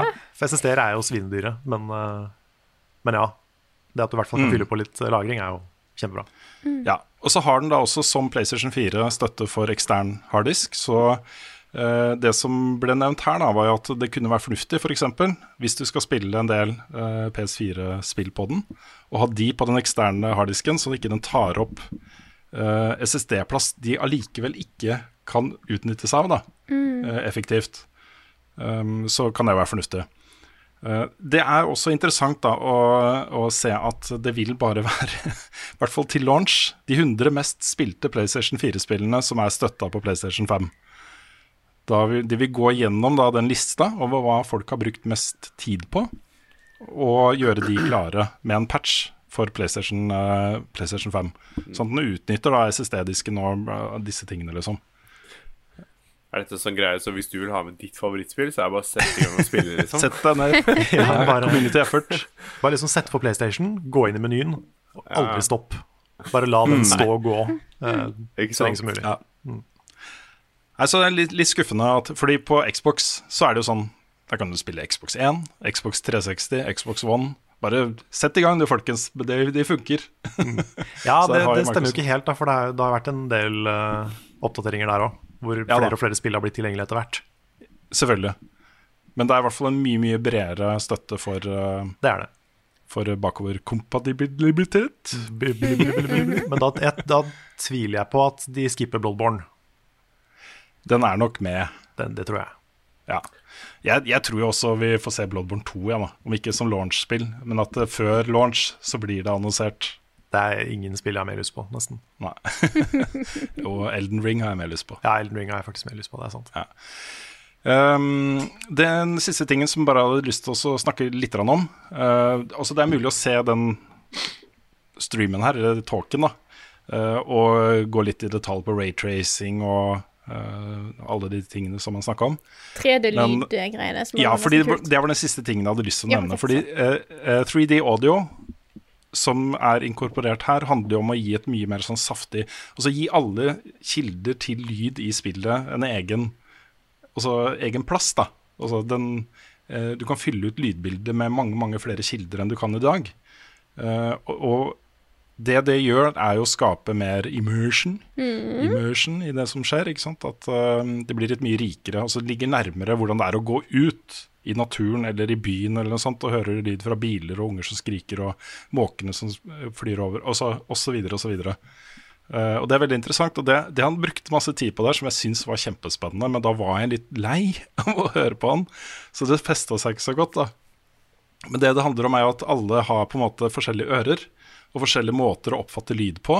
Og det tar de da høyde for her også, hvor du skal da eh, på en, et eller annet vis, han visste ikke helt hvordan ennå, kanskje det var ved å gjøre en test på konsollen, kanskje det var å sende bilde av øret ditt til Sony. Ja, det var, det var litt morsomt litt sånn der, eh, at han står og smiler og så send meg bilde av ørene dine. Ja, ja. Men uansett da, så skal du kunne sette opp da en PlayStation 5 med din lydprofil. Altså med den uh, lyden som du fanger opp best med dine ører.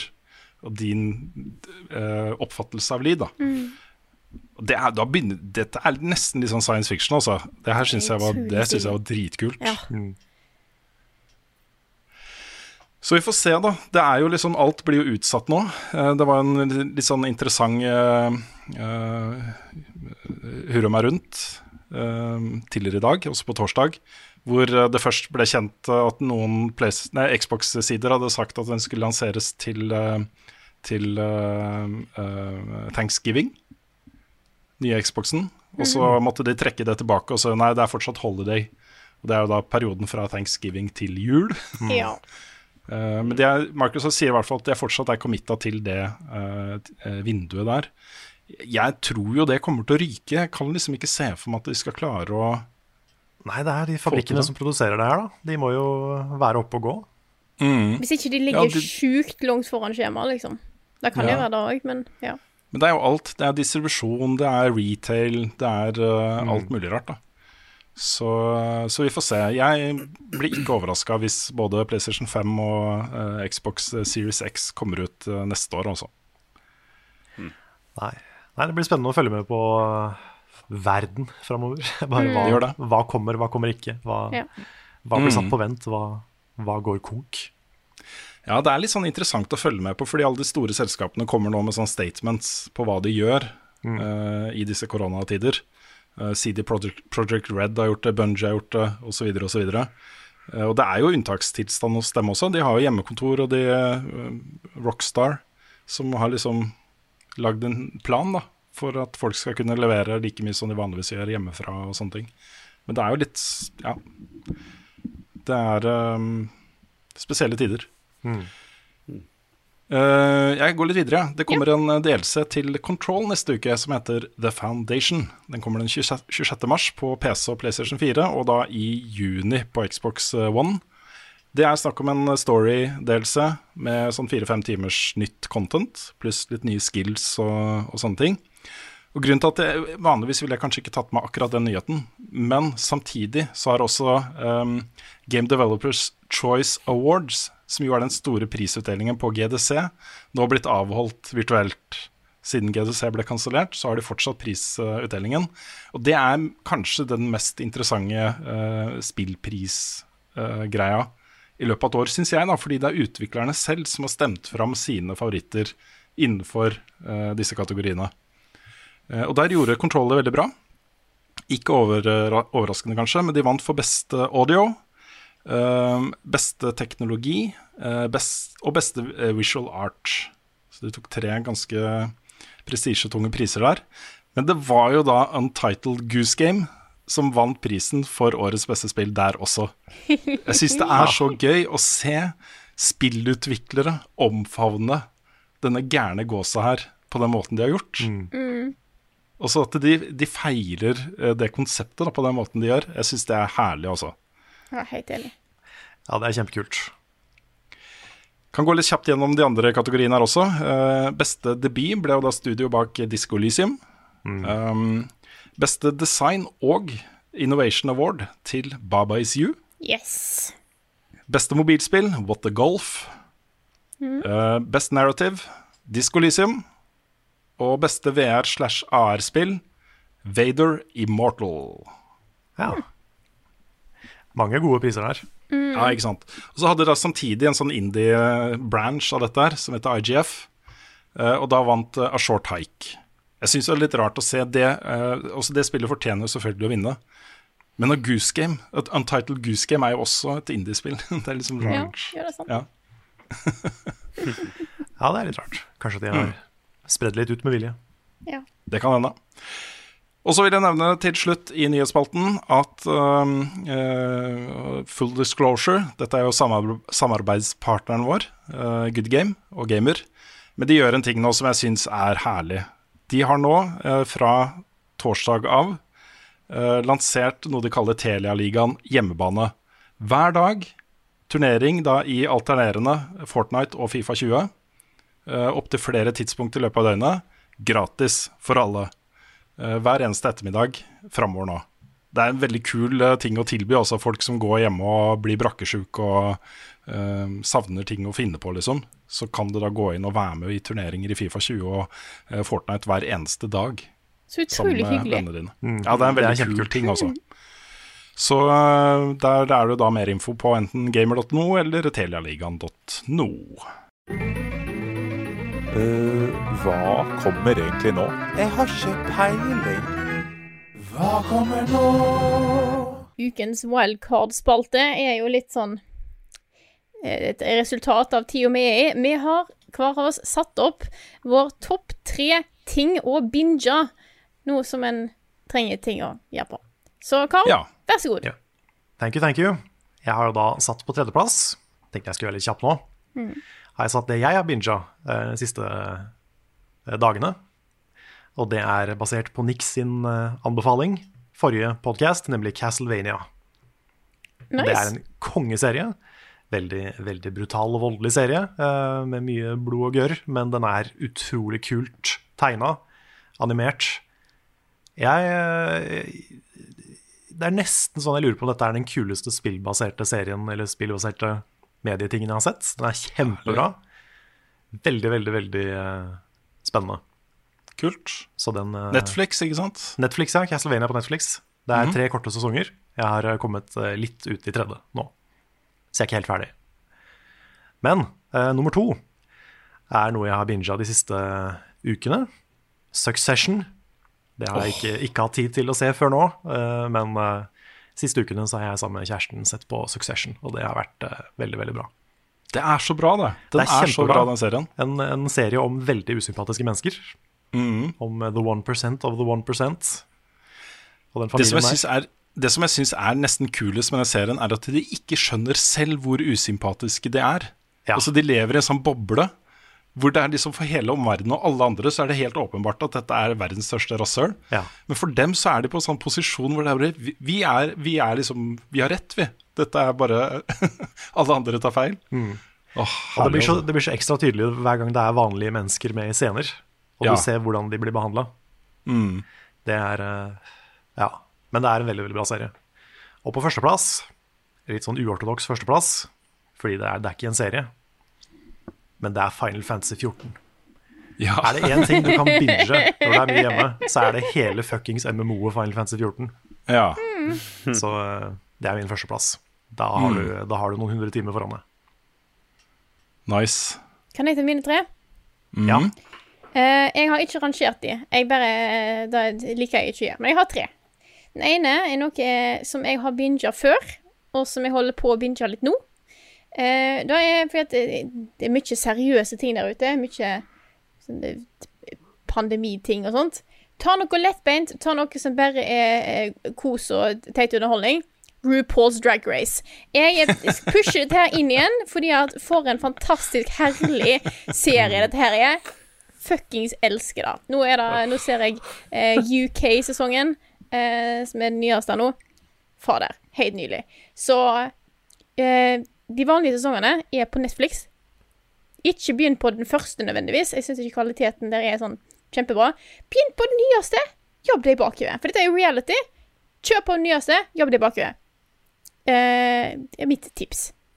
Så har jeg en eh, herlig humorserie som alle bør se. Eh, fantastisk å binge. Brooklyn 99. Ja, oh, ja. den er kjempebra. Mhm. Og så har jeg en eh, For jeg, jeg må bare putte på en eh, liten eh, anime her òg.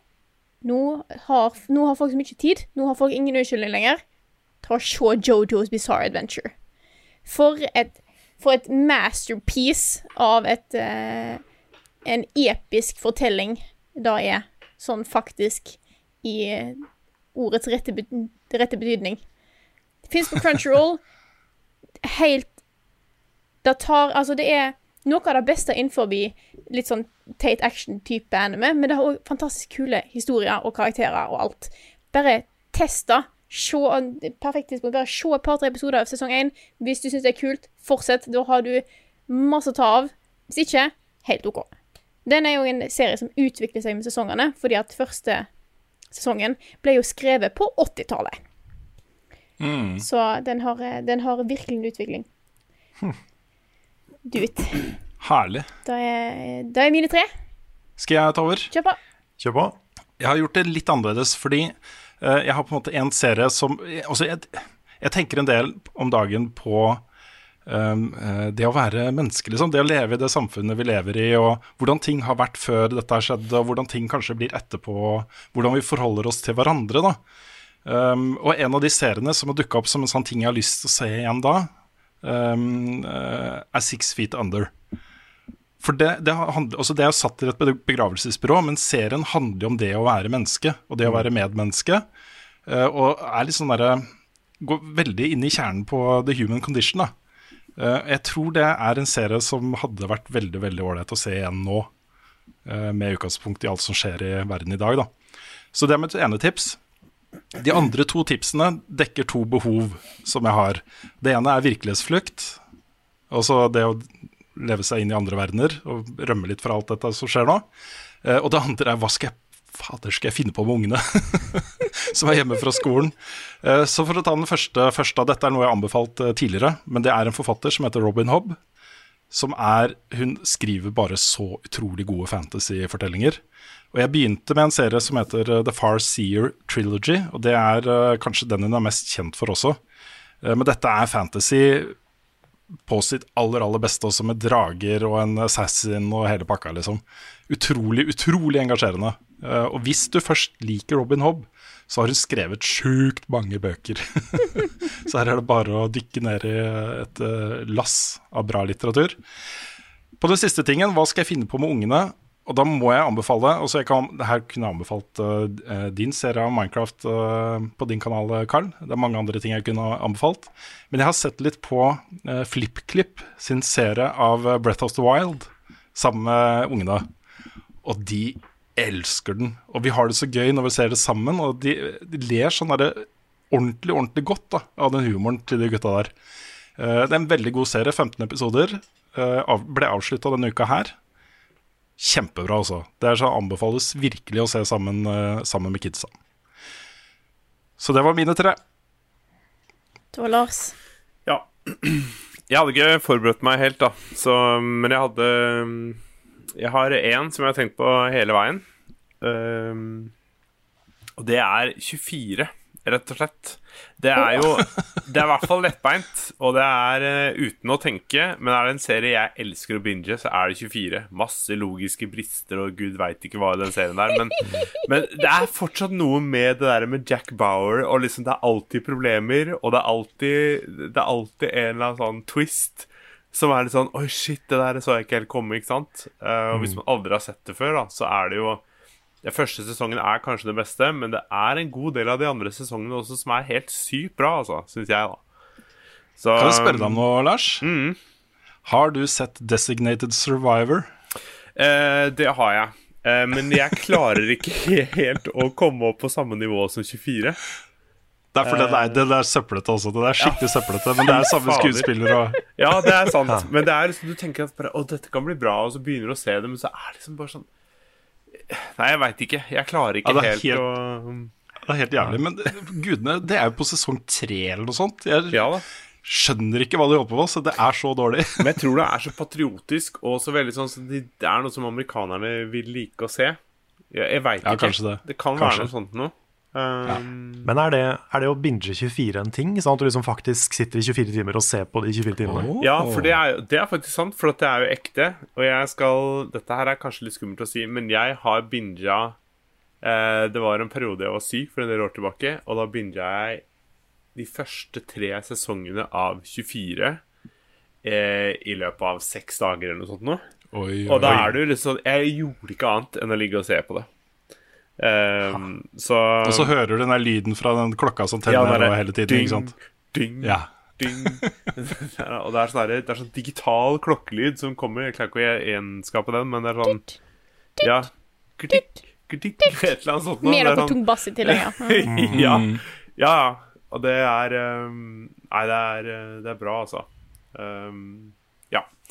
Uh, men jeg kan godt komme med noe veldig lettbeint. Du som snakka om uh, lettbeint humor og sånne ting. Er det en serie jeg alltid binder, og som jeg har gående fordi jeg har mulighet, så er det Friends. Um, det er sånn nostalgi og ting for meg, og den serien er jo fortsatt på topp over hele verden med alt mulig rart. Den, jeg bare elsker det, å ha den gående. Og hvis du um, Ja. Ehm, vil ha noe lettbeint, så er det i hvert fall noe å se på. Eh, jeg veit ikke helt om jeg har en liksom på, mm, på tredjeplass eh, her, altså. Men eh, en serie jeg har sett i det siste, som jeg bare kan anbefale, I'm Not Okay With This på Netflix. Konge. Er, det, er det hun som finner ut at hun har superkrefter? Altså, nei, det er den derre serien hvor Hva heter de skaperne? Skal vi se Ehm, um, uh, De som lagde um, Oh, jeg husker ikke hva Det er en annen serie som gikk der, på Netflix også. Men altså, ja, det er hun som finner ut med superkrefter, ja. Men oh, Hva het den serien? Det er en annen serie de har laget på Netflix også. Ja, jeg kommer ikke på det. Om det er Life Sucks eller et eller annet i den duren der. The End of the Fucking World? Ja, kanskje det er den? Kanskje, jeg vet ikke. Litt sånn tematisk uh, i samme gate. Ja, det er mulig. I, i hvert fall. Den er, uh, den er morsom. Jeg er litt overraska over at ikke du anbefaler folk å bare komme seg en tur ut i skauen, eh, Lars. Og bevege litt på seg. Binge skauen. binge litt, skauen. Tur. Ja. Nei, vi kan godt uh, gjøre det. Altså um, Men jo, det er faktisk sant. Hvis du har mulighet, og du Altså, du bør jo gå ut i disse dager. For man blir jo gæren. Det som er veldig morsomt nå, da, som jeg har opplevd, bare for å si det, det er at en del gamere som bare sånn De elsker jo å ha fri. De har muligheten til å ha fri. De kan sitte og game i lang, lang tid. Men det jeg hører fra folk nå, er at bare sånn der, de kjeder jo vettet av seg. For at når de blir tvunget til å sitte inne, ja, da vil de ut. Så, det er ganske bisarr, det der. Altså, liksom at når du blir satt til å gjøre ting, da er det ikke greit. Nei, nei, men det er sant. Man, men også er det jo uvanlig å bare være inne hele dagen Ja, i mange dager i strekk. Det er jo Mm. liksom, Det er ofte man må på butikken, det er ofte man må ut og gjøre ting, det er ofte man skal på jobb, skole. Så det å Mm. bare være inne mange dager i strekk, det er litt rart for de fleste. Hva er dines best, hvordan fredag sist har Carl egentlig sopp? Ukens spørsmål. Vi setter i gang med et spørsmål eh, som vi ser at det er litt flere som lurer på. Eh, vi tenker det er greit å ta det opp. Det er fra Jon Magnus Restad, som spør hvordan påvirkes level up av koronaviruset. Tenker på at mange nå går mot permittering, og at da folk kanskje vil søke å spare penger. Eh, har dere merka noen eh, dypp i støtta, eller er dette noe som bekymrer dere? Det er jo en ting som skjer nå i hele det norske folk. Eh, fordi det er mange som permitteres. Nå begynner det jo å komme en del gode støtteordninger som, gir, som sikrer folk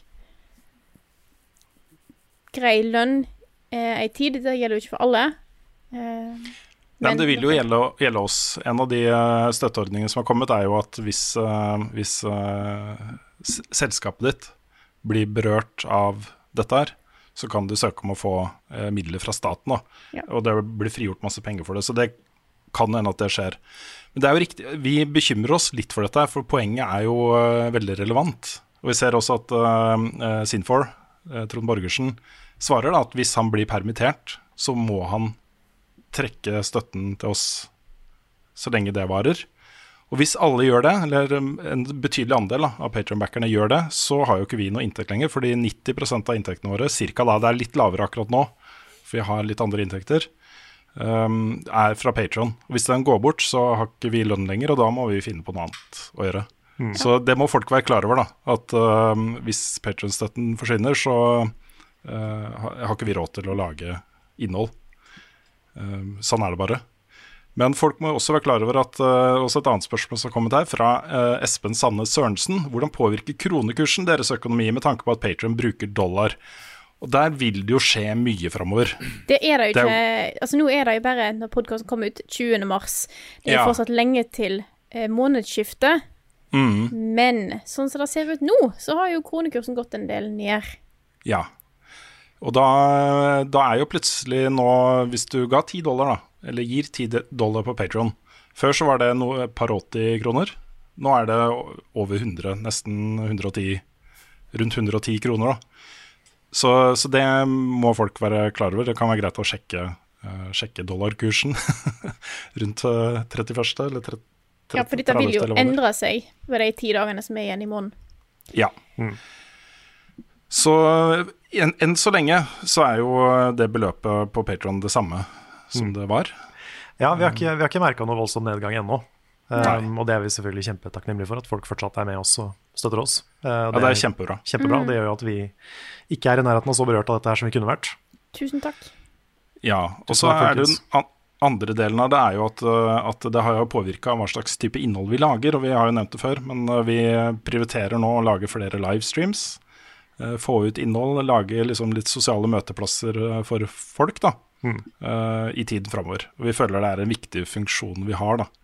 Uh, At det går an å samles om vår felles lidenskap for uh, spill. Møte likesinnede.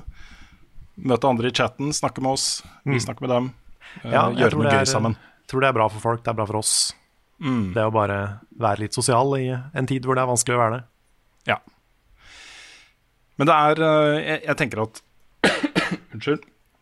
Um, dette er jo unntakstilstand for oss alle sammen. Og det er ingen som vet hvor dette ender ennå. Uh, hvor lenge det varer. Eh, de mer langsiktige konsekvensene av det og sånne ting. Så vi liksom tar det litt med ro. Vi lager det innholdet vi føler er riktig å lage. eh, fortsetter som før. eh, går ut ifra at det skal gå bra. og så får vi heller se hva vi gjør hvis det ikke gjør det. Ja. Yes. Ja, det ble lang pause. Ja, Det ble lang sorry. pause. Da var jeg bare sona litt ut. Jeg trodde kanskje du skulle si noe mer. Yes. Er det noen som har noen flere spørsmål på lager? Hvis ikke så har jeg eh, kanskje et her. Jeg er gjerne ta et, du, Frida. Ja. Det er jo mange som snakker om eh, eh, om nå kan en ta igjen backloggen. Vi har annet fått spørsmål fra Martin Herfjord. Bare sånn Nå er det tid for backlog completion. Hva skal dere spille som dere ikke får tid til før? Vi har jo ikke noe mer tid nå. Vi er jo fortsatt i eh, full Altså jeg, Rune og Karl i hvert fall, er jo fortsatt i full jobb som, som vanlig. Så Mm. det er jo kanskje Du har kanskje litt mindre tid nå, Rune? Ja, for så Ja, det, det, dagene mine er litt annerledes. Det er det også. Uh, fordi nå skal jeg være lærer for en Ja, andreklassing og det er tredjeklassing også. Ja, Eh, men, det, men det går som regel. Altså det går ganske greit. Um, jeg syns det er litt sånn som nå, da da vi sitter i et par timer og tatt opp podkast. Da, da måtte jeg bare si OK, det er greit, du kan sitte og spille Minecraft på iPaden din inne på rommet. Eh, så jeg må ta Helst ikke liksom bare sette dem ned foran skjermen hele tiden. Det går jo ikke. Man må prøve Nei. å aktivere dem litt. da Mm. Men også min backlog akkurat nå er jo Doom Eternal. Altså Det er jo det jeg skal prioritere å bruke tid på. Uh, jeg har ikke tid til å gå inn og så spille alle de gamle tingene jeg har lyst til å kose meg med nå som, uh, nå som jeg ikke er på jobb lenger, for jeg er jo på jobb. Dette er jo kontoret mitt. Jeg har til og med henta den PC-en vi hadde på kontoret hjem, for den er bedre enn den jeg hadde hjemme. Mm. Så sånn Fortsetter mye som før, altså. men som oppfølging så kan jeg ta spørsmålet til Lars Magne Valen. Han spør mange har nå fått muligheten til å spille mer. Hva spill vil dere anbefale? Nevn gjerne gode, gamle spill òg, sånn at det blir billigere. Da må jeg jo si Witcher 3. Ja, ja. ja. Ori. Begge Ori-spillene. Ja. Mm. Eh, Black Mesa og uh, Halo. Combat Evolved. Halo kommer jo på PC. eh, på Steam, da. Mm. eh, I forrige uke. Og det er jo kjempekult. Så er det jo ingen uh, level up-podkast uten å nevne Souls-serien. Den er ikke kjempedyr nå, sikkert. Så du kan sikkert bare skaffe deg de og bruke masse tid på å pløye deg gjennom de. Ja, Det er morsomt. Jeg ser jo Stian Blipp, som har jo eh, vært veldig veldig motstander av disse Soulsborne-spillene. Fordi han liker ikke å føle seg frustrert. Han føler at det er jobb da, Mm. å sette seg ned med dem. Men nå som han må være hjemme, så har han satt seg ned og begynt på Bloodborne igjen. Og det går bra, da. Og han liker det. Så kanskje, kanskje det er håp for andre også, om at Mm. nå som du har litt tid, da, så kan du bite tenna sammen, komme deg over kneika og oppleve det mest fantastiske spilluniverset som eksisterer. Oh yeah.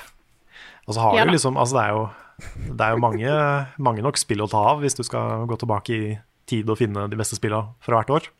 Hvis ikke du har spilt Portal-serien, Mhm. den er amazing. Det er mange Final Fantasy-spill. Du har Final Fantasy 14 så igjen, som er noen hundre timer. Um, Stardew Valley. Stardew Valley. Ja, absolutt. Det er et perfekt slappe av-spill. Mm. Selvfølgelig Minecraft. Mm. Det er jo uh, Terraria. Ja. Terraria. ja. Det er jo egentlig, du kan jo egentlig gå tilbake til liksom våre gamle topplister og bare se de beste spillene hvert år. Mm. og så bare velge og vrake blant de. Ja, der er det mye bra. Det er det. Jeg, har- jeg har ett sånn backlog-spill da som jeg tar sjansen på at jeg kanskje kan få tid til eh, nå. Og det er Assassin's Creed Odyssey. Nå er det jo i helgen. Gratis helg. Ja. Stemmer det. For det spillet. Ubisoft gir ut det gratis i helgen. Og du kan bare spille det i helgen. Så handler det mer om å bare se om det er noe for deg. Men det var også ganske saftig eh, prisreduksjon på Steam, så jeg kjøpte det da for et par hundre kroner på Steam. Så nå har jeg det, og har det liksom muligheten til å gå inn i det hvis jeg får, eh, får litt tid til overs. Nice. Nice. Det er kjempebra. Mm. Det er mye Kan jeg, få ta et, kan jeg få ta et eh, kjapt eh, spørsmål fra Christian Laksmark, som jeg har på følelsen er mest til meg og deg, Frida? Yes, kjør. Det er spørsmålet er da Hører dere på metal? Hvilke band liker dere? Ja! Yes! Det er Ja. vel hovedsakelig til oss to, ja. Stemmer. Det er en veldig tilfeldig liste som jeg bare raska sammen av de tingene jeg kom på. Mm. Uh, mens jeg noterte meg spørsmålet. Men uh, blant favorittene mine Gojira, Alice in Chains, Machinehead, Kvelertak, Iron Maiden. Og så må jeg nesten nevne Rammstein, selv om det er litt sånn i popgrenselandet noe av det de lagde på siste albumet. Men jeg syns det siste albumet til Rammstein var bare helt amazing. Så det er noen, noen av mine favoritter. Kult, kult. Jeg eh, blar fort igjennom eh, den lista jeg har nå i, som jeg har hatt nå i, den, i det siste. Eh, jeg er jo mer på melodisk og spesielt prog metal, er jo min, mine sjangre. Så jeg må selvfølgelig si eh, artister jeg har anbefalt før. Thank You Scientist. Eh, jeg har vel òg anbefalt The Deer Hunter. Eh, så jeg må nå si Jeg vil nå trekke fram det òg. Og toppen min har vært de i mange år nå, eh, og vil nok være i lang tid framover, Airion. Eh, kanskje kongene Eller Airion og Arjen Antony Lukassen, som er kongen av eh, Hva kaller jeg det? Eh, eh, det, det Å, herregud, hva heter det? Det heter album. Konseptalbum. Konseptalbum. Konseptalbum. Yes, det var så høyt stilt. Kan jo òg eh, Altså, det er mye bra hvis du går lenger bak i tid. Eh, Led Zeppelin har en del kule ting. Pink Floyd. Mm. Men eh, Iron på topp. Ja. Jeg også er egentlig glad i metal. Um, jeg er glad i veldig mye forskjellige sjangere. Jeg, bare, jeg har liksom aldri egentlig hengt meg opp i band noe særlig. Så jeg syns det er vanskelig å, å svare på liksom hva som er favorittband og hvilke band jeg liker. Altså, det er sånn Jeg henger meg ofte opp i sanger mer enn jeg gjør band. Så jeg velger å ikke, velger å ikke svare på det. Oi, Hvis det skal være noe innenfor melodisk, for min del så er det liksom bare det eneste jeg hører en, eller har hørt mye på, og fortsatt hører på, er Nightwish. Men um, ja. Og Haken.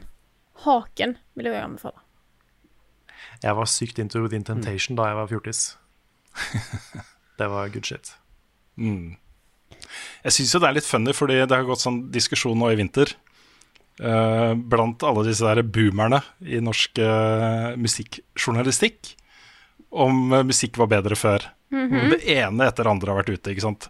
Um, eh, hva heter den? Kjetil Rollnes var den siste jeg så som jeg bare meldte meg ut. da, Fordi han eh, mente da å kunne bevise at uh, den gode musikken eh, eh, bare ble lagd fram til 1984 eller noe sånt. Altså den virkelig, virkelig gode musikken. Å, herregud. Det er, bare, det er så boomer, fordi du ignorerer, ikke sant. Jeg har jo vokst opp Altså Min musikksmak, de tingene som jeg kommer til å ha det der forholdet som han har til Stones og alle de der fra 70-, 80-, 60-tallet, liksom. Når jeg kommer på gamlehjemmet, så er det jo liksom Pixies og Depeche Mode og de tingene. Og så Nirvana, Alice in Chains, uh, Nine Inch Nails. Alle disse her, liksom, som jeg har det forholdet til, ikke sant. Det er bare så utrolig boomer. Det er så boomer. Ja. Det er noen mennesker som bare trenger å høre du, nå, er du, nå oppfører du deg som en Nå oppfører du deg gammelt. Ja. Ja, fordi de ser bare på listetoppene, ikke sant? og så tenker de Britney Spears og uh, de, de greiene der, liksom. Og At det er representativt for musikk i dag. Da. Det er altså Moderat, for eksempel. Jesus Christ. Det er jo så bra. Det er helt, Så, eh, helt ja. tullete. Ja, det er tullete, altså. Ah. Har vi et Ja, siste spørsmål på lager, eller skal vi Jeg kan ta et, jeg. ta et, du? Kjør på. Skal vi se, hvor var det Hvor var det du, du, du, du, du Her. Um, Simen KF på Patreon spør hva er deres personlige favorittspillkontroller på tvers av alle konsoller, og hvilken har dere likt minst? Jeg kan si eh, Jeg kan svare først. Den jeg liker best, er GameCube-kontrollen. Det er en grunn til at den har liksom gått i arv til alle Smash-spill um, på den måten den har gjort, fordi den er fantastisk. Og verste, det er den kontrollen Lars holder når han snakker om Magnus i Furua i uh, Noscope sesong 2. Kontrollen til Retron 5, som da ikke egentlig er Det er ikke Magnum 69 egentlig, det er Retron 5. Lager, Den lager veldig er fin klikkelyd da, når du går bortover. Ja. Fordi det var, det var lagt inn med vilje, fordi den lager en sånn helt for jævlig klikkelyd. Bare du, bare du trykker bortover på D-paden, liksom. Det høres ut som et museklikk, og det er, det er utrolig distraherende. Det er den verste kontrollen jeg har tatt i noen gang. Den er vond, den er skarp. Den er alt det verste en kontroll kan være, Ja. på en gang. Det er så fascinerende ræv, rett og slett. Så det er meg. Jeg eh, må òg si GameCube-kontrolleren. Alle de Altså Alle disse pro-kontrollerne Nintendo har kommet med i etterkant, liksom til, til Switch og sånne ting, er jo og Wii U òg, er jo bare en litt smått modifisert versjon av GameCube-kontrolleren, som er superior. Um, Og nå er jeg klar for å få uh, kommentarfelt imot meg. I det jeg sier den verste kontrolleren. Dette handler litt om at dette er en konsoll jeg aldri har eid, men hver gang jeg prøver noe fra denne konsollen her, så blir jeg forbanna på kontrolleren, og da er Nintendo 64-kontrollen. Hva er det for et beist? Ja, altså Nintendo 64 er jo veldig høyt elska, men den kontrollen, den var noe rart. Ja. Den gir jo ikke mening. Den, er jo, den har jo tre hender, holdt på å si.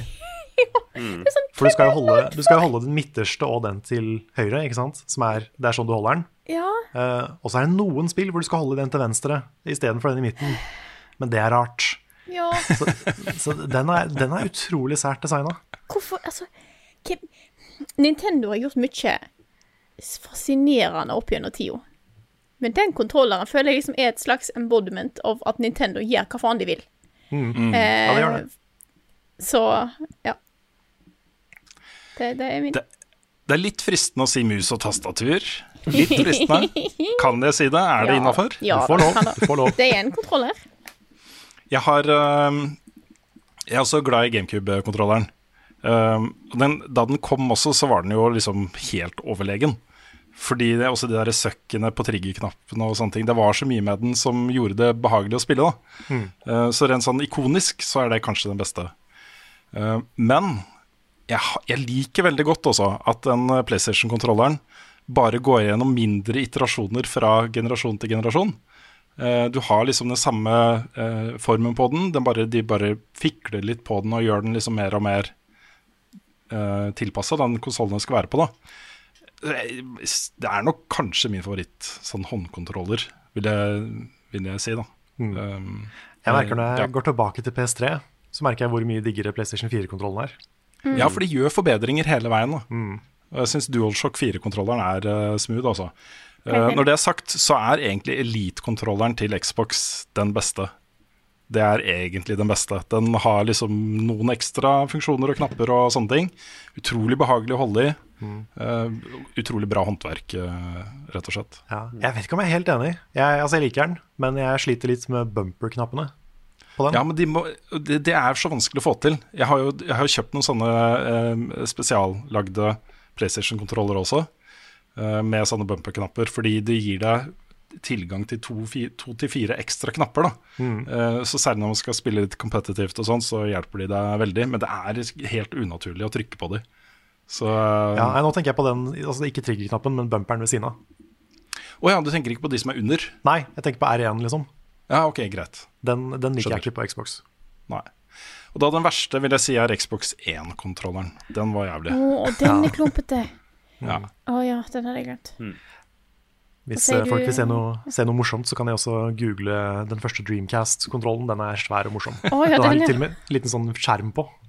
Mm. Den er veldig funny. Du da, Lars?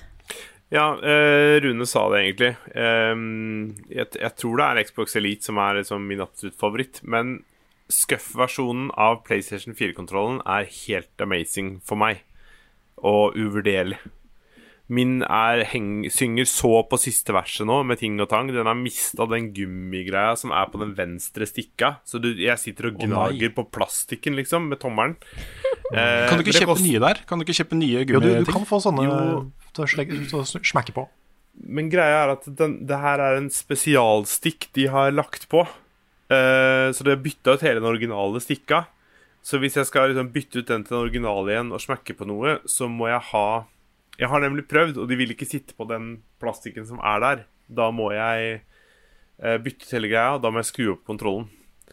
Eh, jeg har vurdert å lime på noe, men da blir den her de, de her er også litt høyere enn de vanlige stikkene til eh, PlayStation. Så hvis jeg skal lime på det oppå der, så blir den drithøy. Men du, jeg kjøpte jo en Scuff-kontroller hvor du kunne bytte ut. Og så du, jeg kjøpte med ekstra sånne analogstikker, så du kunne bare nappe av den som var der, og så sette på en eh, lavere en, f.eks., eller høyere en. Å ja, serr? Mm. Uh, den har jeg ikke vært borti, men det er jo litt sånn som Elite gjør det. Du bare kan Ja. nappe av og sette på en annen. Ja, det er jo genialt. Men altså, Det går greit med den jeg spiller med nå, men problemet er at å bare kjøpe en ny en av den versjonen jeg vil ha, koster liksom 2000 kroner. Og Ja, det er sjukt mye penger. I dag så koster den sikkert 3000 pga. at kronekursen har gått til helvete. Mm. Så det er bare helt uaktuelt å kjøpe det for, for øyeblikket. Så jeg får leve med det sånn det er. Kanskje Jeg syns det er litt kult at Scuff har liksom vokst fram som en sånn tredjeparts eh, pro-utvikler av kontrollere. Men det er kanskje verdt å investere i det når eh, neste generasjon kommer. Mm. Ja. Kan jeg si en liten ting? Jeg eh, har jo spilt masse Black Ops 1 og Tjoahei med han som på en måte bare fant opp og skapte og lagde hele denne her uh, Jeg ble kjent med de i, eh, når de starta på hele selskapet sitt. Så det Du var har ikke eh, noen favors du kan uh, innkassere, da, Lars? Jeg tror ikke det. Det kan nok hende, for jeg har han fortsatt på Skype, eller de folka på Skype og sånn, men eh, jeg eh, har ikke snakka med dem på 100 år. Har de på Facebook og sånn, men det, det vil føles litt rart, tror jeg. Så Bare Hey bro, remember me? I'm Stormlash from Norway. ja.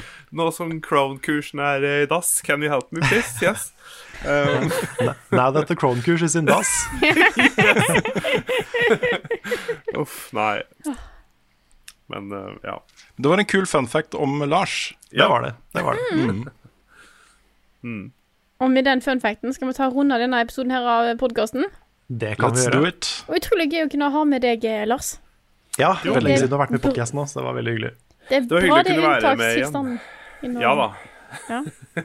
Ja, det er bra, men fy fader, hvis det fortsetter lenge, så eh, Jeg, som alle andre som blir permittert, det går jo utover lønnen og diverse. Så jeg er litt sånn bekymra for ting og tang. Og jeg er akkurat liksom i ferd med å egentlig kjøpe meg leilighet og hus og sånn, men jeg er ikke helt liksom sikker på om jeg skal gjøre det. Men så driver jeg og prater litt med broderen litt sånn, og vi lurer på om det kanskje er litt lurt nå. For det er noen leiligheter som bare ligger ute nå, og de blir jo ikke solgt. De ligger lenge òg. Så det er sånn Det kan jo være lurt å kanskje prøve å by litt lavere og få et liksom scoop nå, da. Ikke sant? Kan det? Så jeg veit ikke helt. Det er skummelt. Nei, det er jo eh, Folk eh, spek eh, eh, snakker jo en del om boligpriser nå. Mm. Og det er sånn når folk, folk blir permittert, og når eh, økonomien er som den er, så det kommer til å gå utover boligmarkedet. Og det kommer til å, være, det kommer til å bli en dipp. Eh, Det er ikke sikkert den varer så lenge, da. Men Nei, jeg det tror er det er en del som kan gjøre en, eh, et godt kjøp her nå, altså. Could be. Må liksom bare prøve, da. Håpe på det beste. Mm. Og med de boligtipsene så runder vi av denne eh, mm. eh, for denne gangen. Level Backup er en podkast utgitt av moderne media. Låten i introen og outroen er skrevet av Ole Sønnik Larsen og arrangert og framført av Kyoshu Orkestra. Vignettene du hører på, er lagd av Martin Herfjord, som er en fantastisk fyr. Eh, du finner masse mer innhold fra oss på youtube.com slash levelupnord. Det er der hovedinnholdet vårt kommer. Det kommer også til å være masse streams framover på twitch.tv slash levelupnord, så gå inn der og følg oss. Og hvis du vil være med på å sørge for at vi fortsetter å lage masse innhold om spill i månedene og årene framover, både fortsette med hjemmekontor og eh, alt, hva enn som skulle skje Hvis du har lyst til å være med på det toget, her, så er det bare å gå inn på patreon.com slash levelupnorge og støtte oss med det beløpet du sjøl har lyst til, eller mulighet til, eller hva som helst. Tusen takk til alle som har hørt på, eh, og så snakkes vi igjen neste uke.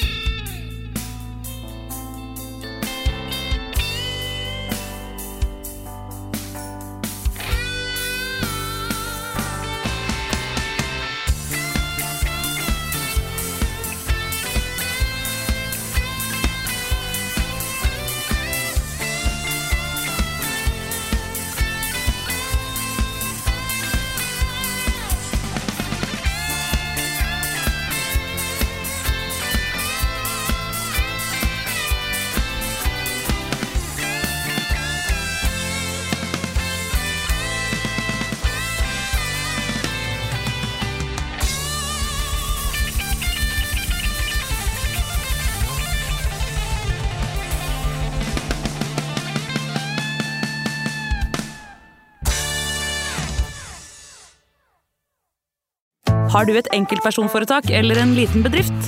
Da er du sikkert lei av å høre meg snakke om hvor enkelt det er med kvitteringer og bilag i fiken, så vi eh, gir oss her, vi. Fordi vi liker enkelt. Fiken superenkelt regnskap.